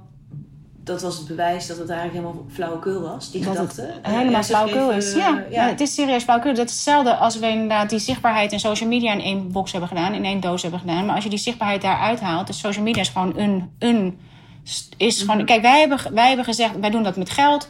We doen dat ook met zichtbaarheid op social media. Je denkt dat het een niet zonder het ander kan, bedoel je Wij dat? denken dat, dat social media de source van je zichtbaarheid is. Universe is de source. Social media is een stroom zichtbaarheid. Er zijn nog tig andere stromen zichtbaarheid. Alleen wij hebben die zichtbaarheid in dat potje met, met social media gedaan. Dus ja, als je dat bij elkaar in één Ja. potje stopt, your wish is my command. Als jij denkt dat je social media afhankelijk of je zichtbaarheid afhankelijk is van je social Ja. media, dan is dat wat je Ik krijgt. vind hem ook heel grappig, want ik eh, begon met het nieuwe initiatief. Toen dacht ik van, nou, mensen kunnen nog niks zien. Hè? Dat was mijn eh, gedachte van, eh, dan ga ik iemand benaderen. Ze kunnen niet zien wat ik, wie ik ben. Ja, als je gaat zoeken. Maar niet, ze kunnen nog geen interview luisteren. En wat ik super gaaf vond, jij, jij zei... jij draaide hem om. Zo, wat leuk dat, je, dat ik een van de eerste ben. Wat een eer. Maar terwijl ik had de, de, de gedachte van... Ja, eh, mensen zullen wel gaan zoeken op social media. En die zien geen interview. Nou, en dan eh, is het maar afwachten eh, Ja. ja, of ze, Of of ze dat vertrouwen niet. willen geven. Want Ja. dat is het in feite. En dat vind ik ook wel... Dus dat heeft ook zich direct bewezen. En dat klopt ook wel met jouw verhaal. Van, eh, het, het kan zonder het ander. En dan is eigenlijk... Wat me dan wel weer triggert is van... En nou ben je er weer on social media. Ja, want Wat het heeft me dan, heel eh, veel gebracht. Het heeft me heel veel. Dus Ja. social, stop met social media was één ding. Ja, Maar toen kwam ik er ook achter dat ik het businessmodel wat ik had, ik had een membership model, dat wilde Ja. ik ook niet meer. Ik dacht, oh, dat vind ik ook te veel gedoe aan de achterkant. Je moet iemand op hebben zitten die de hele tijd.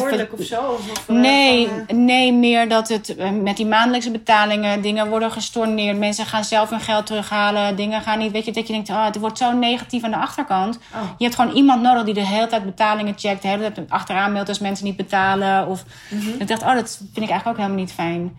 En ehm, kijk, stoppen met social media, dat is één ding. Daarvan weet ik niet precies hoeveel het in mijn business scheelt. Maar mijn, de stekker uit mijn businessmodel trekken, weet ik precies wat er niet binnenkomt. Namelijk eh, een x bedrag per maand. Omdat ik dat, ma- dat niet meer heb. En dat was het moment dat ik, dat ik die Universal Laws weer ben gaan. Dat ik dacht, oké, nu... Ik was, daar, ik was er les in aan het geven. Ik, ik heb zelf van... wil, wil je dat toelichten? Van, eh, voor, voor, je, je wil, wat, wat is je... Want je bent met een, een nieuw idee bezig. Ik ben met een nieuw idee Ja. bezig, maar dat moest dus eerst daar ontstaan, omdat het. Boemer. Omdat het een. eh, ik moest mezelf eerst de ruimte geven om, om die keuzes te maken, zoals de stekker uit mijn businessmodel trekken. Dezelfde bereidheid om dan maar geen business te hebben. Gewoon te vertrouwen op dat dat gevoel dat je dat niet voor niks hebt. Ik heb er heel lang over gedaan om ja te zeggen tegen dat gevoel om van social media af te gaan. En dat heeft me, me geholpen om te denken: oké, als ik dit zo sterk voel, dan is dat een sign. Dan moet ik dat volgen. En, maar dat was natuurlijk een, een, een engere keuze in Ja. die zin, omdat ik het wel wist wat ik niet verdiende. En toen ben ik, dat ik dacht: oké, schrijven. Mijn, mijn pen haalt alles naar boven. Dus ik schrijf letterlijk op en dan schrijf ik een soort van source. Wat is dan de volgende stap? Ja.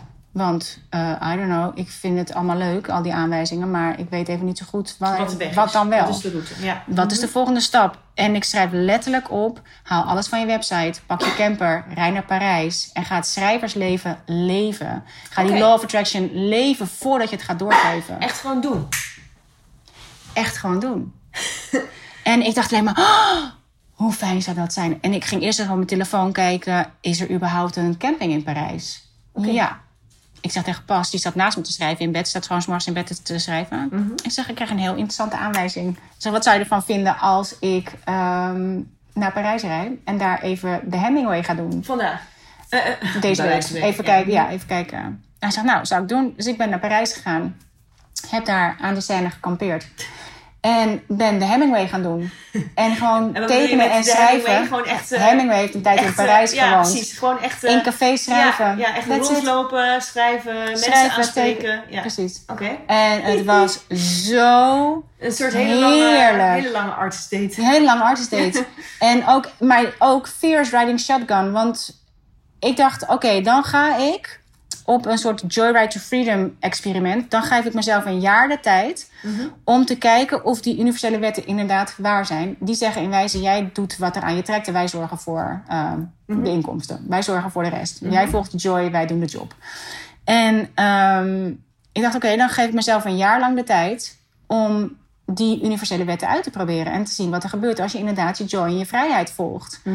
En dat heb ik gedaan. En ik kwam dus uit in Parijs. Maar Veer is, gaat met je mee. Die zegt, wat ben jij gek Ja, geworden? Parijs? Ja, het is leuk hoor, je social suicide. Maar Hemingway heeft echt suicide gepleegd. Dus ik weet niet eh, wat jij gaat doen met je schrijven in cafés. en ja, leuk. Hoe, eh, hoe gaan we dan geld verdienen? Hoe gaan we, ja, en ze zeggen, we gaan gewoon een week. Weet je, don't worry. We gaan gewoon een week. We gaan gewoon een beetje schrijven. Het is niet, ik hoef geen Hemingway. Het is geen bestseller. Het is gewoon een beetje schrijven. Dus de enige job is een inside job. Je moet elke keer weten, wat denk ik? En welk, waar brengt deze gedachte me heen? Wat komt er in mijn resultatendoos terecht uiteindelijk als ik dit denk? Ja. Kan ik met deze gedachte een positief resultaat halen? Nee. Dan moet ik er dus voor zorgen dat ik iets denk, waardoor ik me beter voel. Als ik me beter voel, dan haal ik per definitie de beste resultaten. Ook al weet ik nog niet wat dat is. Het enige wat ik hoef te weten is: voel ik me goed? Ja, keep going. Voel ik me niet goed, dan is mijn Stoppen. enige job Ja. om me weer goed te voelen. Ja, That's it. Dat is het. Dus dat heb ik een jaar gedaan. En in dat jaar... Maar dat betekent mijn- ook van, Lou, je zegt ik ben een week in Parijs gegaan. Ja. Je hebt eigenlijk gewoon eh, op je af laten komen wat, eh, wat je in- ingevingen waren. En Ja. je bent het gaan doen. Ja. En dat heeft, En dan dus heel is erg de- creativiteit waarschijnlijk aangemaakt. Ja, en ook je, je, ehm, dat je denkt, dit is wat voor mij succes is. Ja. Dit wil ik kunnen doen. Deze tijd, deze, ruimte, deze vrijheid. Mhm.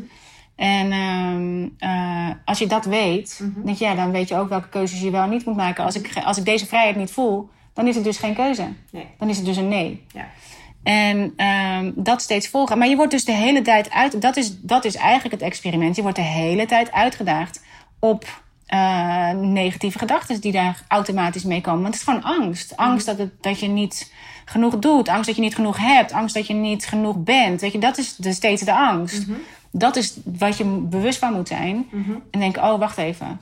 Dit is wat ik denk.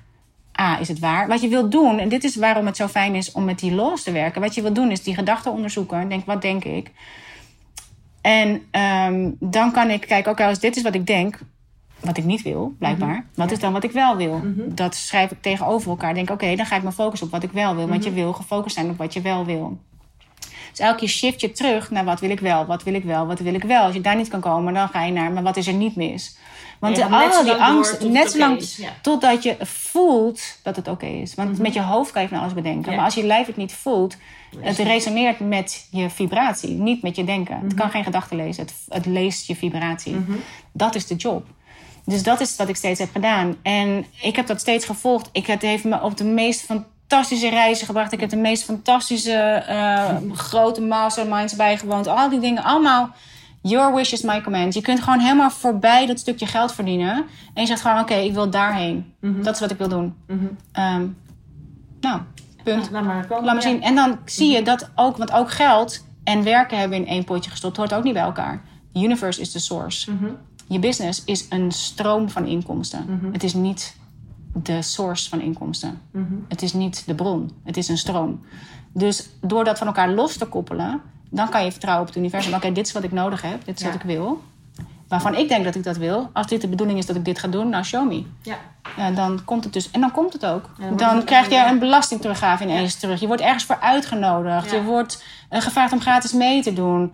Dat is ook geld verdienen. ja, dat is heel interessant. Dat is heel, wij zien dat niet als, als Nee. echt, maar dat is hartstikke echt. ja. Dat Dus- levert ook vaak veel meer op. Het levert je Ja. onwijs veel op. Je moet alleen gaan kijken van wat is. Je moet kijken naar al die andere stromen. Als ik hier in de keuken de kraan opendraait, dra- opendraai en er komt niks uit, dan is niet de source op. Nee, dan ga ik naar de badkamer, draai ik daar de kraan open. Er, is, Ja. er zijn veel meer sources. Ja.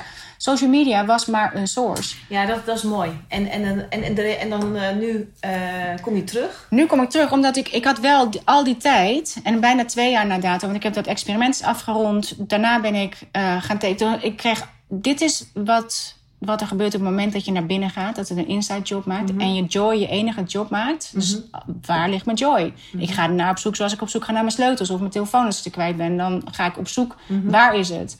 En daarmee krijg je allerlei ideeën aangereikt. Daar liggen de, daar de eerste kwartjes die vallen. Zo kan je denken, ja, het is maar een kwartje dat valt. Maar dat is een manifestatie. Daar ligt, dat kan je million dollar idea zijn. Dat ligt gewoon voor het oprapen. En je moet het alleen zien. Dus ik heb elke keer, dus ik was weer gaan schrijven. Dacht ik, oh, ik weet wat, het, wat ik wil maken. Ik had een idee voor een boekenserie. Bleek maar een eerste idee te zijn. Het werd steeds groter en steeds groter en steeds groter. En dit is waarom we het heel vaak niet zien, omdat het zo dichtbij is. Ik, wa- ik was op een, op een eh, cruise met Jeanette Badhoorn. Op, eh, daar was ik een, een keynote speaker op de Entrepreneurs eh, Cruise. Sigrun was daar ook een, een keynote speaker. En zij had in haar, ehm, in haar keynote had ze het over een bigger mission. Dat als je, zegt ze, als je zegt ze, nou, vanaf dat je ongeveer een miljoen gaat verdienen. Dus dan heb je gewoon als entrepreneur, dan heb je gewoon een bigger mission nodig. Want tot die tijd denk je, oké, nou, ik, ik kan gewoon geld verdienen met wat ik kan. Dan denk ik, oh, lekker, ik kan een leuke lifestyle van eh, op nahouden. Maar daarna is het wel een beetje op. Weet je, hoe groot wil je je lifestyle maken? Daarna heb je een bigger mission nodig. Op het moment dat ik na ging denken over mijn bigger mission, dacht ik, oh, maar dan wil ik. Waarom, dan wil ik dat, die, dat, dat al die kinderen weten hoe die, die universele wetten werken. Kijk, ja, ja. Dan wil ik dat, ehm, dan wil ik dat, waarom leren we dit onze kinderen niet op school? Waar, dan wil ik het onderwijs veranderen. Dan wil ik de manier waarop we onze kinderen opvoeden veranderen. Ineens, ik dacht, oh, maar dat is niet wat ik nu aan het doen ben. Nee, maar je wist wel ineens wat het zijn. Ineens wist ik wat de bigger Ja. mission was. En op het moment dat je een bigger mission hebt, dan kun je, ik had wel, was steeds, was steeds op zoek geweest naar mijn mission. Ja. Maar nu met een bigger mission. En het maakte zoveel sens. Ik had het met mijn kinderen over. Boom. Wat zijn dat voor gesprekken?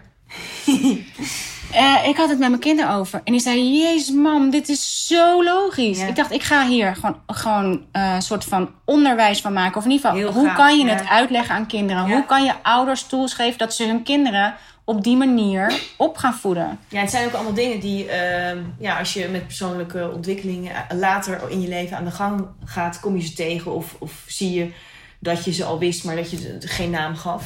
Hoe gaaf is het als je dat al vanaf kleins af aan... eh, Als je dit weet, als ik het nu Eh, zie met ja. mijn kleinkinderen, hoe, wat we gemanifesteerd hebben en hoe ze zich bewust zijn van wat ze denken en Ja. hoe ze zich bewust zijn hoe ze kunnen shiften. Het is zo tof. heel, heel leuk. Het is zo tof. Dus ik had nu Blijf een bigger mission. erbij? Want ik denk dat die tekeningen ook voor kinderen eh, Voor super, kinderen, ja. eh, ja. ehm, Ja. ondersteunend kunnen Ja. zijn. Dus eh, nu had ik, en dit is waarom het zo dichtbij is. Het is nee van, het, is, het heeft, ik ken je dat verhaal van die, het is een waargebeurd verhaal van een boer in Afrika die ehm, wilde mee in de goudkoorts. En ze gingen allemaal op zoek naar goud. En hij heeft zijn boerderij verkocht om mee te doen aan dat goud zoeken. En hij is dat goud gaan zoeken. Kom maar, Bom. Kom jij dan even hier, want dat is een stukje rustiger. Ehm, hij heeft ehm, meegedaan aan, dat, ehm, aan die hele goudkoorts. Ja. En wilde, eh, hij heeft zijn boerderij verkocht. Ging op zoek naar goud, maar vond maar steeds ja, een beetje hier, een beetje daar. Maar niet zo'n echte goud. eh.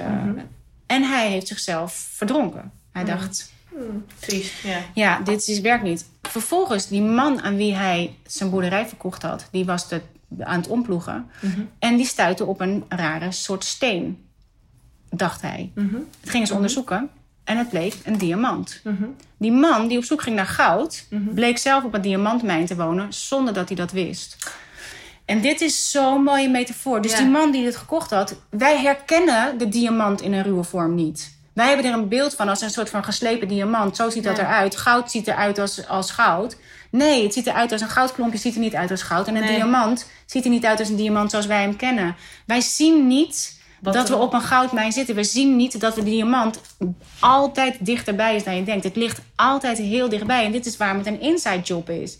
Je moet eerst naar binnen. ja. Het is ook de alchemist, hè? Van, eh, Het is helemaal de ja. alchemist. Je komt gewoon weer terug. Ja. En daar ligt het. Ja, en, het is, En het als is je gaat al. kijken, Ja. alles is er al. Dus je moet wel op die hero's journey gaan. Blijkbaar. We moeten toch allemaal er eerst van verdwalen... zodat je er naartoe terug kan komen en denken... ah, het lag hier gewoon.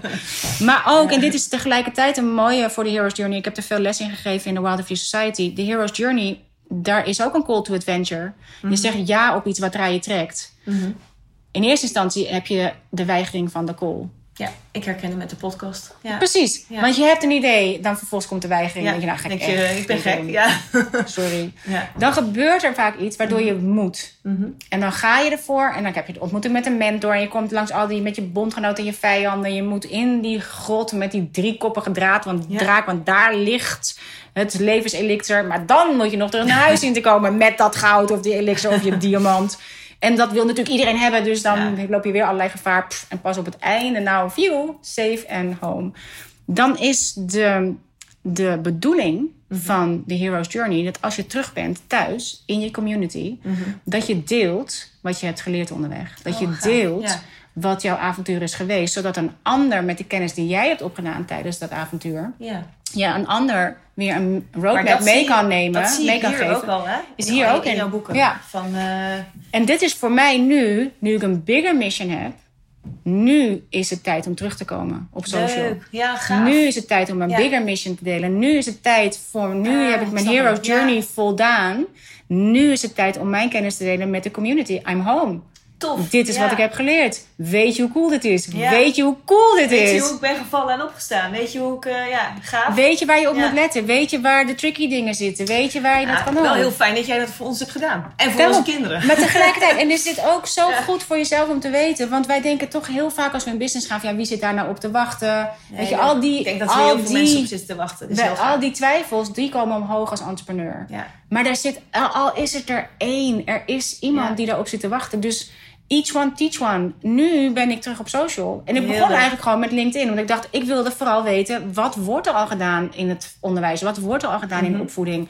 Waar zijn we mee bezig? Wat, wat, wat is Mhm. Er al? Want de heel veel, kijk, ik ben niet zichtbaar, maar heel veel dingen voor mij waren ook niet zichtbaar. Dus ik ging terug op LinkedIn Om te onderzoeken ook. om te er is. onderzoeken. Ja. Er wordt al zoveel coole dingen gedaan. Er zijn zulke leuke ontwikkelingen gaande. Ik denk, daar wil ik gewoon part of the revolution kan van elkaar zijn. vinden hè, daar. Dat je kan elkaar leuk. vinden. Ja. Vervolgens had ik een gesprek met eh, mijn jongste dochter Jip. En ze zei, ze, mam, weet je hoeveel... Zij is een hele grote influencer eh, online. En ze zei, weet je hoeveel ehm, mensen er nog steeds aan mij vragen... is je moeder echt van social media? Want ik vond haar altijd zo leuk om te volgen. Ze zei, als je bij mij in mijn vlog zit... dan gaat 9 van de 10 keer van... oh, je moeder, bla, bla. Dus ze Ah, zei, ik zou echt teruggaan. En omdat ik bij LinkedIn had gezien... dat ik dacht, oh, het is echt wel weer heel leuk om oude bekenden te zien. Waar is iedereen mee bezig? Ik Ja. zag ineens mensen uit mijn community... want ik heb wel altijd mijn Ja, want hoe community gaat dat gehad. dan? Je, je bent teruggekomen deze week. En Ja. nu, eh, dat gaat, dus, eh, nou, dat gaat als een dolle volgens mij. Ja. Maar dat, Law of attraction, dit is wat er gebeurt. Op het moment dat het klaar is, dat je tijd bent en dat het klopt, ja, is het goed. is het goed. Het Ja. stroomt zo. Ja. En ook, en dit is de mensen die je kent, eh, mijn dochter, die daar natuurlijk een, eh, eh, haar enthousiasme deelt. Ze zegt, ja, nu kan ik gewoon weer, nu kan ik ze gewoon weer mijn moeder geven. Ah, ze zegt allemaal, ik wou dat ik jouw moeder had. Ze hier heb je er. Zo tof. Leuk. En die Hero's Journey heb ik ook in het boek gebruikt met Jip. Oké. En Ja, met van, eh, moedige moeders. geschreven. Zag Ja. ik ook pas op het einde. Was ik het nawoord aan het schrijven. En toen dacht ik, oh wauw man. Ze zijn gewoon door een klassieke Hero's Journey heen gegaan. Toen pas zag ik de rode draad van dat boek. Dus toen moest ik mijn uitgever bij zeggen. Het duurt ietsje langer. Maar ik moet... Ik heb nu de rode draad. Dus ik moet even wat dingen herschikken. Ik moet nieuwe illustraties maken. Ik moet even die Hero- Hero's Journey er doorheen eh, weven. Maar dat was wat het was. Het is een klassieke Hero's Journey waar zij doorheen zijn gegaan. Wauw. Dus- Dus we kijken er naar uit. En, eh, eh, Ja, net het boek is, is al lang uitverkocht. Nee, nee, maar, die, die, eh, maar we kijken ook uit naar je nieuwe. Ja, het is zo tof. Want ik vind dat heel, heel intrigerend ook. Dat, om, dat je zegt van nou, we gaan alle dingen die ze niet op school leren. En alles Ja. wat dus, nou ja, wat jij hebt meegenomen al. Dat, we dat, dat je dat gewoon aan- ook aan kinderen. Dat vind ik ook boeiend. Aan kinderen vind Het ik is heel boeiend. zo leuk om het aan kinderen, maar ook aan tieners. Want dit is het Maar ook voor ons, ja. voor ons. Dit Ja. is waarom die universele wetten zijn universeel. Ze gelden voor iedereen. Ze gaan door gender heen, ze gaan door leeftijd heen, Ja. ze gaan door IQ heen, ze gaan door social status heen, ze gaan door overal doorheen. Het geldt net als de wet van, aant- van, van zwaartekracht voor iedereen. Er zijn geen, geen uitzonderingen. Dus als je die laws begrijpt, dan kan iedereen, het gaat door geloof heen. Dat weet je, het kan iedereen het op zijn eigen manier toepassen. Als je maar snapt wat jouw aandeel is. Als je maar doorhebt dat we 9 van de 10 keer hem tegen ons laten werken, omdat we niet weten dat hij er is. Ja. En dan kan je deliberate gaan creëren. Dan kan je opzettelijk gaan creëren. Dat je denkt, oh, maar dan kan ik dingen zelf in werking zetten. Dan kan ik zelf zorgen dat het de goede kant op valt. Ja. Dan ga ik dat doen. En dat aan kinderen leren vind ik fantastisch. En dit is ook waarom alles samenkomt. Want ik heb mijn eigen kinderen, die zijn um, de millennials. Ja. Dan heb ik nog twee tieners. Dat zijn de twee kinderen van mijn ex, zeg maar de vader van mijn kinderen. Die Ja. heeft nog twee kinderen, een zoon en een dochter, 16 en 14. Thank you so much. Weer een andere, eh, ja, leuk. Precies, ja. de, de middelbare school. Dan heb ik alweer kleinkinderen, Ja. basisschool. Gaaf, En ja. eentje die is net eh, één. Dus ik heb werkelijk van 1 tot 26 Ja, heb ik zelf. Helemaal, eh, Heb ik zelf. Ja. Is mijn familie, is mijn gezin. Ik kan het gewoon nog steeds keukentafel revolutie starten. Gewoon door het met mijn eigen kinderen te doen. En je weet ook dat het, het domino-steentje gaat sowieso om. ja, en Je het gaat hoeft door. niet. Het, Het, gaat door. het Ja. is echt. Want ik wilde hiervoor. Ik heb een soort van millimeter movement gestart. Omdat we heel vaak denken dat we iets heel groots moeten doen om, om Mhm. impact te maken. Maar je hoeft. Er is een filmpje op YouTube en dat heeft me destijds heel erg geïnspireerd. Er laat een man laat eh, zien dat je met een domino-steentje van 5 mm. Kun je, eh, als je elke keer, een millimeter, of elke keer het domino-steentje erachter anderhalf keer groter laat zijn, heb je binnen 29 keer de Empire State Building om. 29 keer. 29. En hij laat het daar zien in 13 keer. Hij begint met zo'n klein domino-steentje. En met ehm, nummer 13 is al ruim een meter hoog en 100 kilo zwaar. Hij zet die kleine in motion en zo pok, pok, Ja. pok, pok, pok. En wij denken, wij moeten die grote hebben. Dit gaat door naar de Empire State Building. En als je dat doorrekent, ben je zo in de ma op de maan. Maar, wij is, denken, eh, wij moeten die Empire State Building hebben. Ja, die- maar goed, die is wel eh, boeiend voor je bigger mission. Want als, de, als iedereen die, die mooie wetten Ja. tot zich kan nemen. Maar ik hoef alleen maar dat. Ik Ja. hoef, want ik ben te gaan kijken. doen. Dat Ja. is wat ik aan het doen ben. Dat kan vanaf de keukentafel. Weet je, je hoeft niet. Als ik, als ik ga nadenken hoe ik in mijn eentje die Empire State Building Nee. krijg. Nee. Maar ik ging kijken. Denk, wat is 5 mm? Dat is het kopje van een lucifer. That's it. You can't start a fire without a spark. Je hoeft alleen maar je eigen vuur aan te wakkeren. En je weet dat die omgaat. De volgende pakt het op. De volgende pakt het op. De volgende Ja. pakt het op. En je weet, als je ervoor zorgt dat hij de goede kant op valt. Law of attraction. Het, krijgt momentum. ja. En dit is waarom je, als je de verkeerde kant op valt, doordat je denk, die dingen denkt die je Mhm. nooit die kant op kunnen krijgen, die je automatisch de verkeerde kant op krijgen, is door je bewust te zijn van wat denk ik. ja. En dus wat voel ik, en dus wat vibreer ik, en dus wat ben ik aan het manifesteren. Als je voelt dat hij de verkeerde kant op valt, omdat ik toevallig met de verkeerde benen uit bed ben gestapt, om maar wat te zeggen, Ja. omdat ik niet genoeg geslapen heb, Ja. dan kan ik denken, oké, I know where this is going. Dan moet ik mezelf even denken, oké, nu, in het begin kan ik nog heel makkelijk een domino-steentje ertussen uittrekken. ja, dat is ook een mooie. Terug rechtop zetten mooi en de goede kant. En je hoeft alleen maar Dan kan die nog die makkelijk. kant op te hellen en hij gaat. Ja, dat is mooi. Maar als hij momentum heeft, ja, dan ligt hij gewoon te pletter onder die... eh, want dan heb je de Empire State Building of Doom. Ja. Je gaat er gewoon onder. Dus, eh, je- dus het gaat erom, ben je je bewust? Je wil... En dit is, weet je, we zijn... Dit is, ik ben me helemaal gaan interesseren in kwantumfysica. En ehm je bent helemaal losgegaan. Zo cool. Ja, dat is heel cool. Ik ga nu met, samen met Marlies Dekker, zij is ook helemaal van kwantumfysica, gaan we zes weken bij eh, Pierre Capel gaan we kwantumfysica volgen. Oké. Maar in het begin, dit kunnen, dat kunnen ook trouwens Ja. ehm, wel tegenstanders zijn. Waarom ga je deze nog erbij volgen? Nou, daar was ik begonnen. Ik was, kijk, die kwantumfysica, ik ben heel analytisch ingesteld. Ik hou van, van experimenten, ik hou van, ik wil alles snappen. Maar dit is ook tegelijkertijd een, een stuk eh, waar je voor moet waken. Omdat het in het begin kwam het voort, ik denk hetzelfde als met tekenen en schrijven. Ja, dan moet het wel echt heel goed zijn. In dit geval, ja, maar het moet niet woe-woe zijn. Het moet wel wetenschap zijn. Ja, maar het moet wel, eh, moet het, dan moet je het wel kunnen onderbouwen met je law of attraction. Ja, ja. Weet je, dus dat, toen ben ik naar die kwantumfysica gegaan. Dat vond ik zo interessant. Maar vervolgens ging ik helemaal down the rabbit hole. En dacht ik, nee, ik hoef alleen maar het te doen. Ja. Dat is ook mezelf weghalen bij het letterlijk doen. Want ik, die law of attraction, ik werk er al twintig jaar mee. ja. Nou, Ik werk er al prachtig. Ja. twintig jaar mee. Maar ik heb het 19 jaar daarvan als concept gesnapt. Nou, Ik heb het in mijn hoofd. Maar het is iets wat je echt moet voelen. Het ja, gaat echt op je gevoel. doorleven. Ja. Het gaat om dat je niet alleen maar gaat lezen over de law, maar dat je hem gaat leven. Nou, we zijn heel erg benieuwd wat Ja. je gaat doen. Ik ook. Ik vind Maar het dat is het leuke, je weet het eh, zelf ook niet. Gaaf dat ik eh, hier bij jou. eh, eens Ik vind het tafel heel cool dat ik bij jou aan tafel laatste vraag. Ja. Ik, heb, eh, ik vind het heel erg leuk om van eh, iedereen een soort eh, spreuk. Ja. Je hebt al hele mooie dingen gezegd. Heb jij nog iets, wat dan, als je bijvoorbeeld een, eh, ja, hier iets zou ophangen aan de wand, een tegeltjes, wijsheid of een spreuk of iets? Ik krijg je- natuurlijk vaak terug van je mijn leuk community. Die zegt, oh, dan hoor ik jou zeggen. Dus ik had het even aan mijn community ook gevraagd. Zeg, Wat is nou, Ik had het gezien. Wat, ho- hoor jij mij nou, wat Ja. hoor je mij nou zeggen waar je wat aan hebt? En op, op nummer één kwam uit, er was een, een eentje, er was een, een close call Ja. tussen kies opnieuw Oké, dat is wat je Ja, net eigenlijk ja, zei. je hè? kan Ga elke keer door, opnieuw, door, ja. opnieuw. Maar ook ehm, Your Only Job is Joy. Mhm. En die hoort ze zichzelf heel vaak herhalen tegen zichzelf. En it's an inside job. Oké, Altijd dezelfde. Die Ja. komen als meeste naar voren. En, en, mooi. en het gaat er vooral om dat je dat doet. Kies Ja. opnieuw. Ja. Want dat is, dit is waarom, en kies opnieuw is wel echt een mooie. Omdat je, ik kan nu ook denken op het moment dat social media weer terugkomt. Mhm. Als je niet uitkijkt, dan geef je jezelf de ruimte niet om het te doen. Want je hebt nou eenmaal gezegd dat je niet meer op social media was. Ja, maar dat is dus ook... Dus dat is kies ook, eh, opnieuw. Ja, dat, dat is toch niet voor eeuwig? Ja. Nee, maar je je- toch ook veel in onze gedachten gaan kun je dat heel groot maken. Ik denk, ja, maar dit is wat ik heb gezegd. Dus ik kan nou niet opeens terugkomen Nee, op is social mooi. hè. Je kan nu besluiten om weer te Kies stoppen. opnieuw. En je kan nu beginnen. Ja, dat is ook met je podcast volgens mij. Ja, Ja, je, Ja, je kan stoppen en ik je mee kan weer beginnen. Ja, Ja, dacht ik, oh ja, maar ik, heb echt nog wat, ik wil echt nog wat zeggen. Denk, oh, Ja. nou, dan doe ik toch gewoon weer die podcast Ja. even open. Ja. Nou. Alicia Kiers draagt weer make-up. Dus Nou, eh, ik bedoel Kan je maar. nagaan. Kan je Hey, nagaan. Lou, super bedankt. Dankjewel. Heel graag tot wederziens. Dankjewel. Ja, dankjewel. Beste luisteraar, dat was het dan. Als je dit nog hebt gehoord, dan heb je echt lang geluisterd. En ik hoop dat het de moeite waard was om zo lang te luisteren. Want dit was tot nu toe wel de allerlangste podcast. Maar Lou, ik ben nog steeds niet met je uitgepraat. Want we hadden nog wel uren kunnen doorgaan daar heerlijk in de zon op die woonboot van je.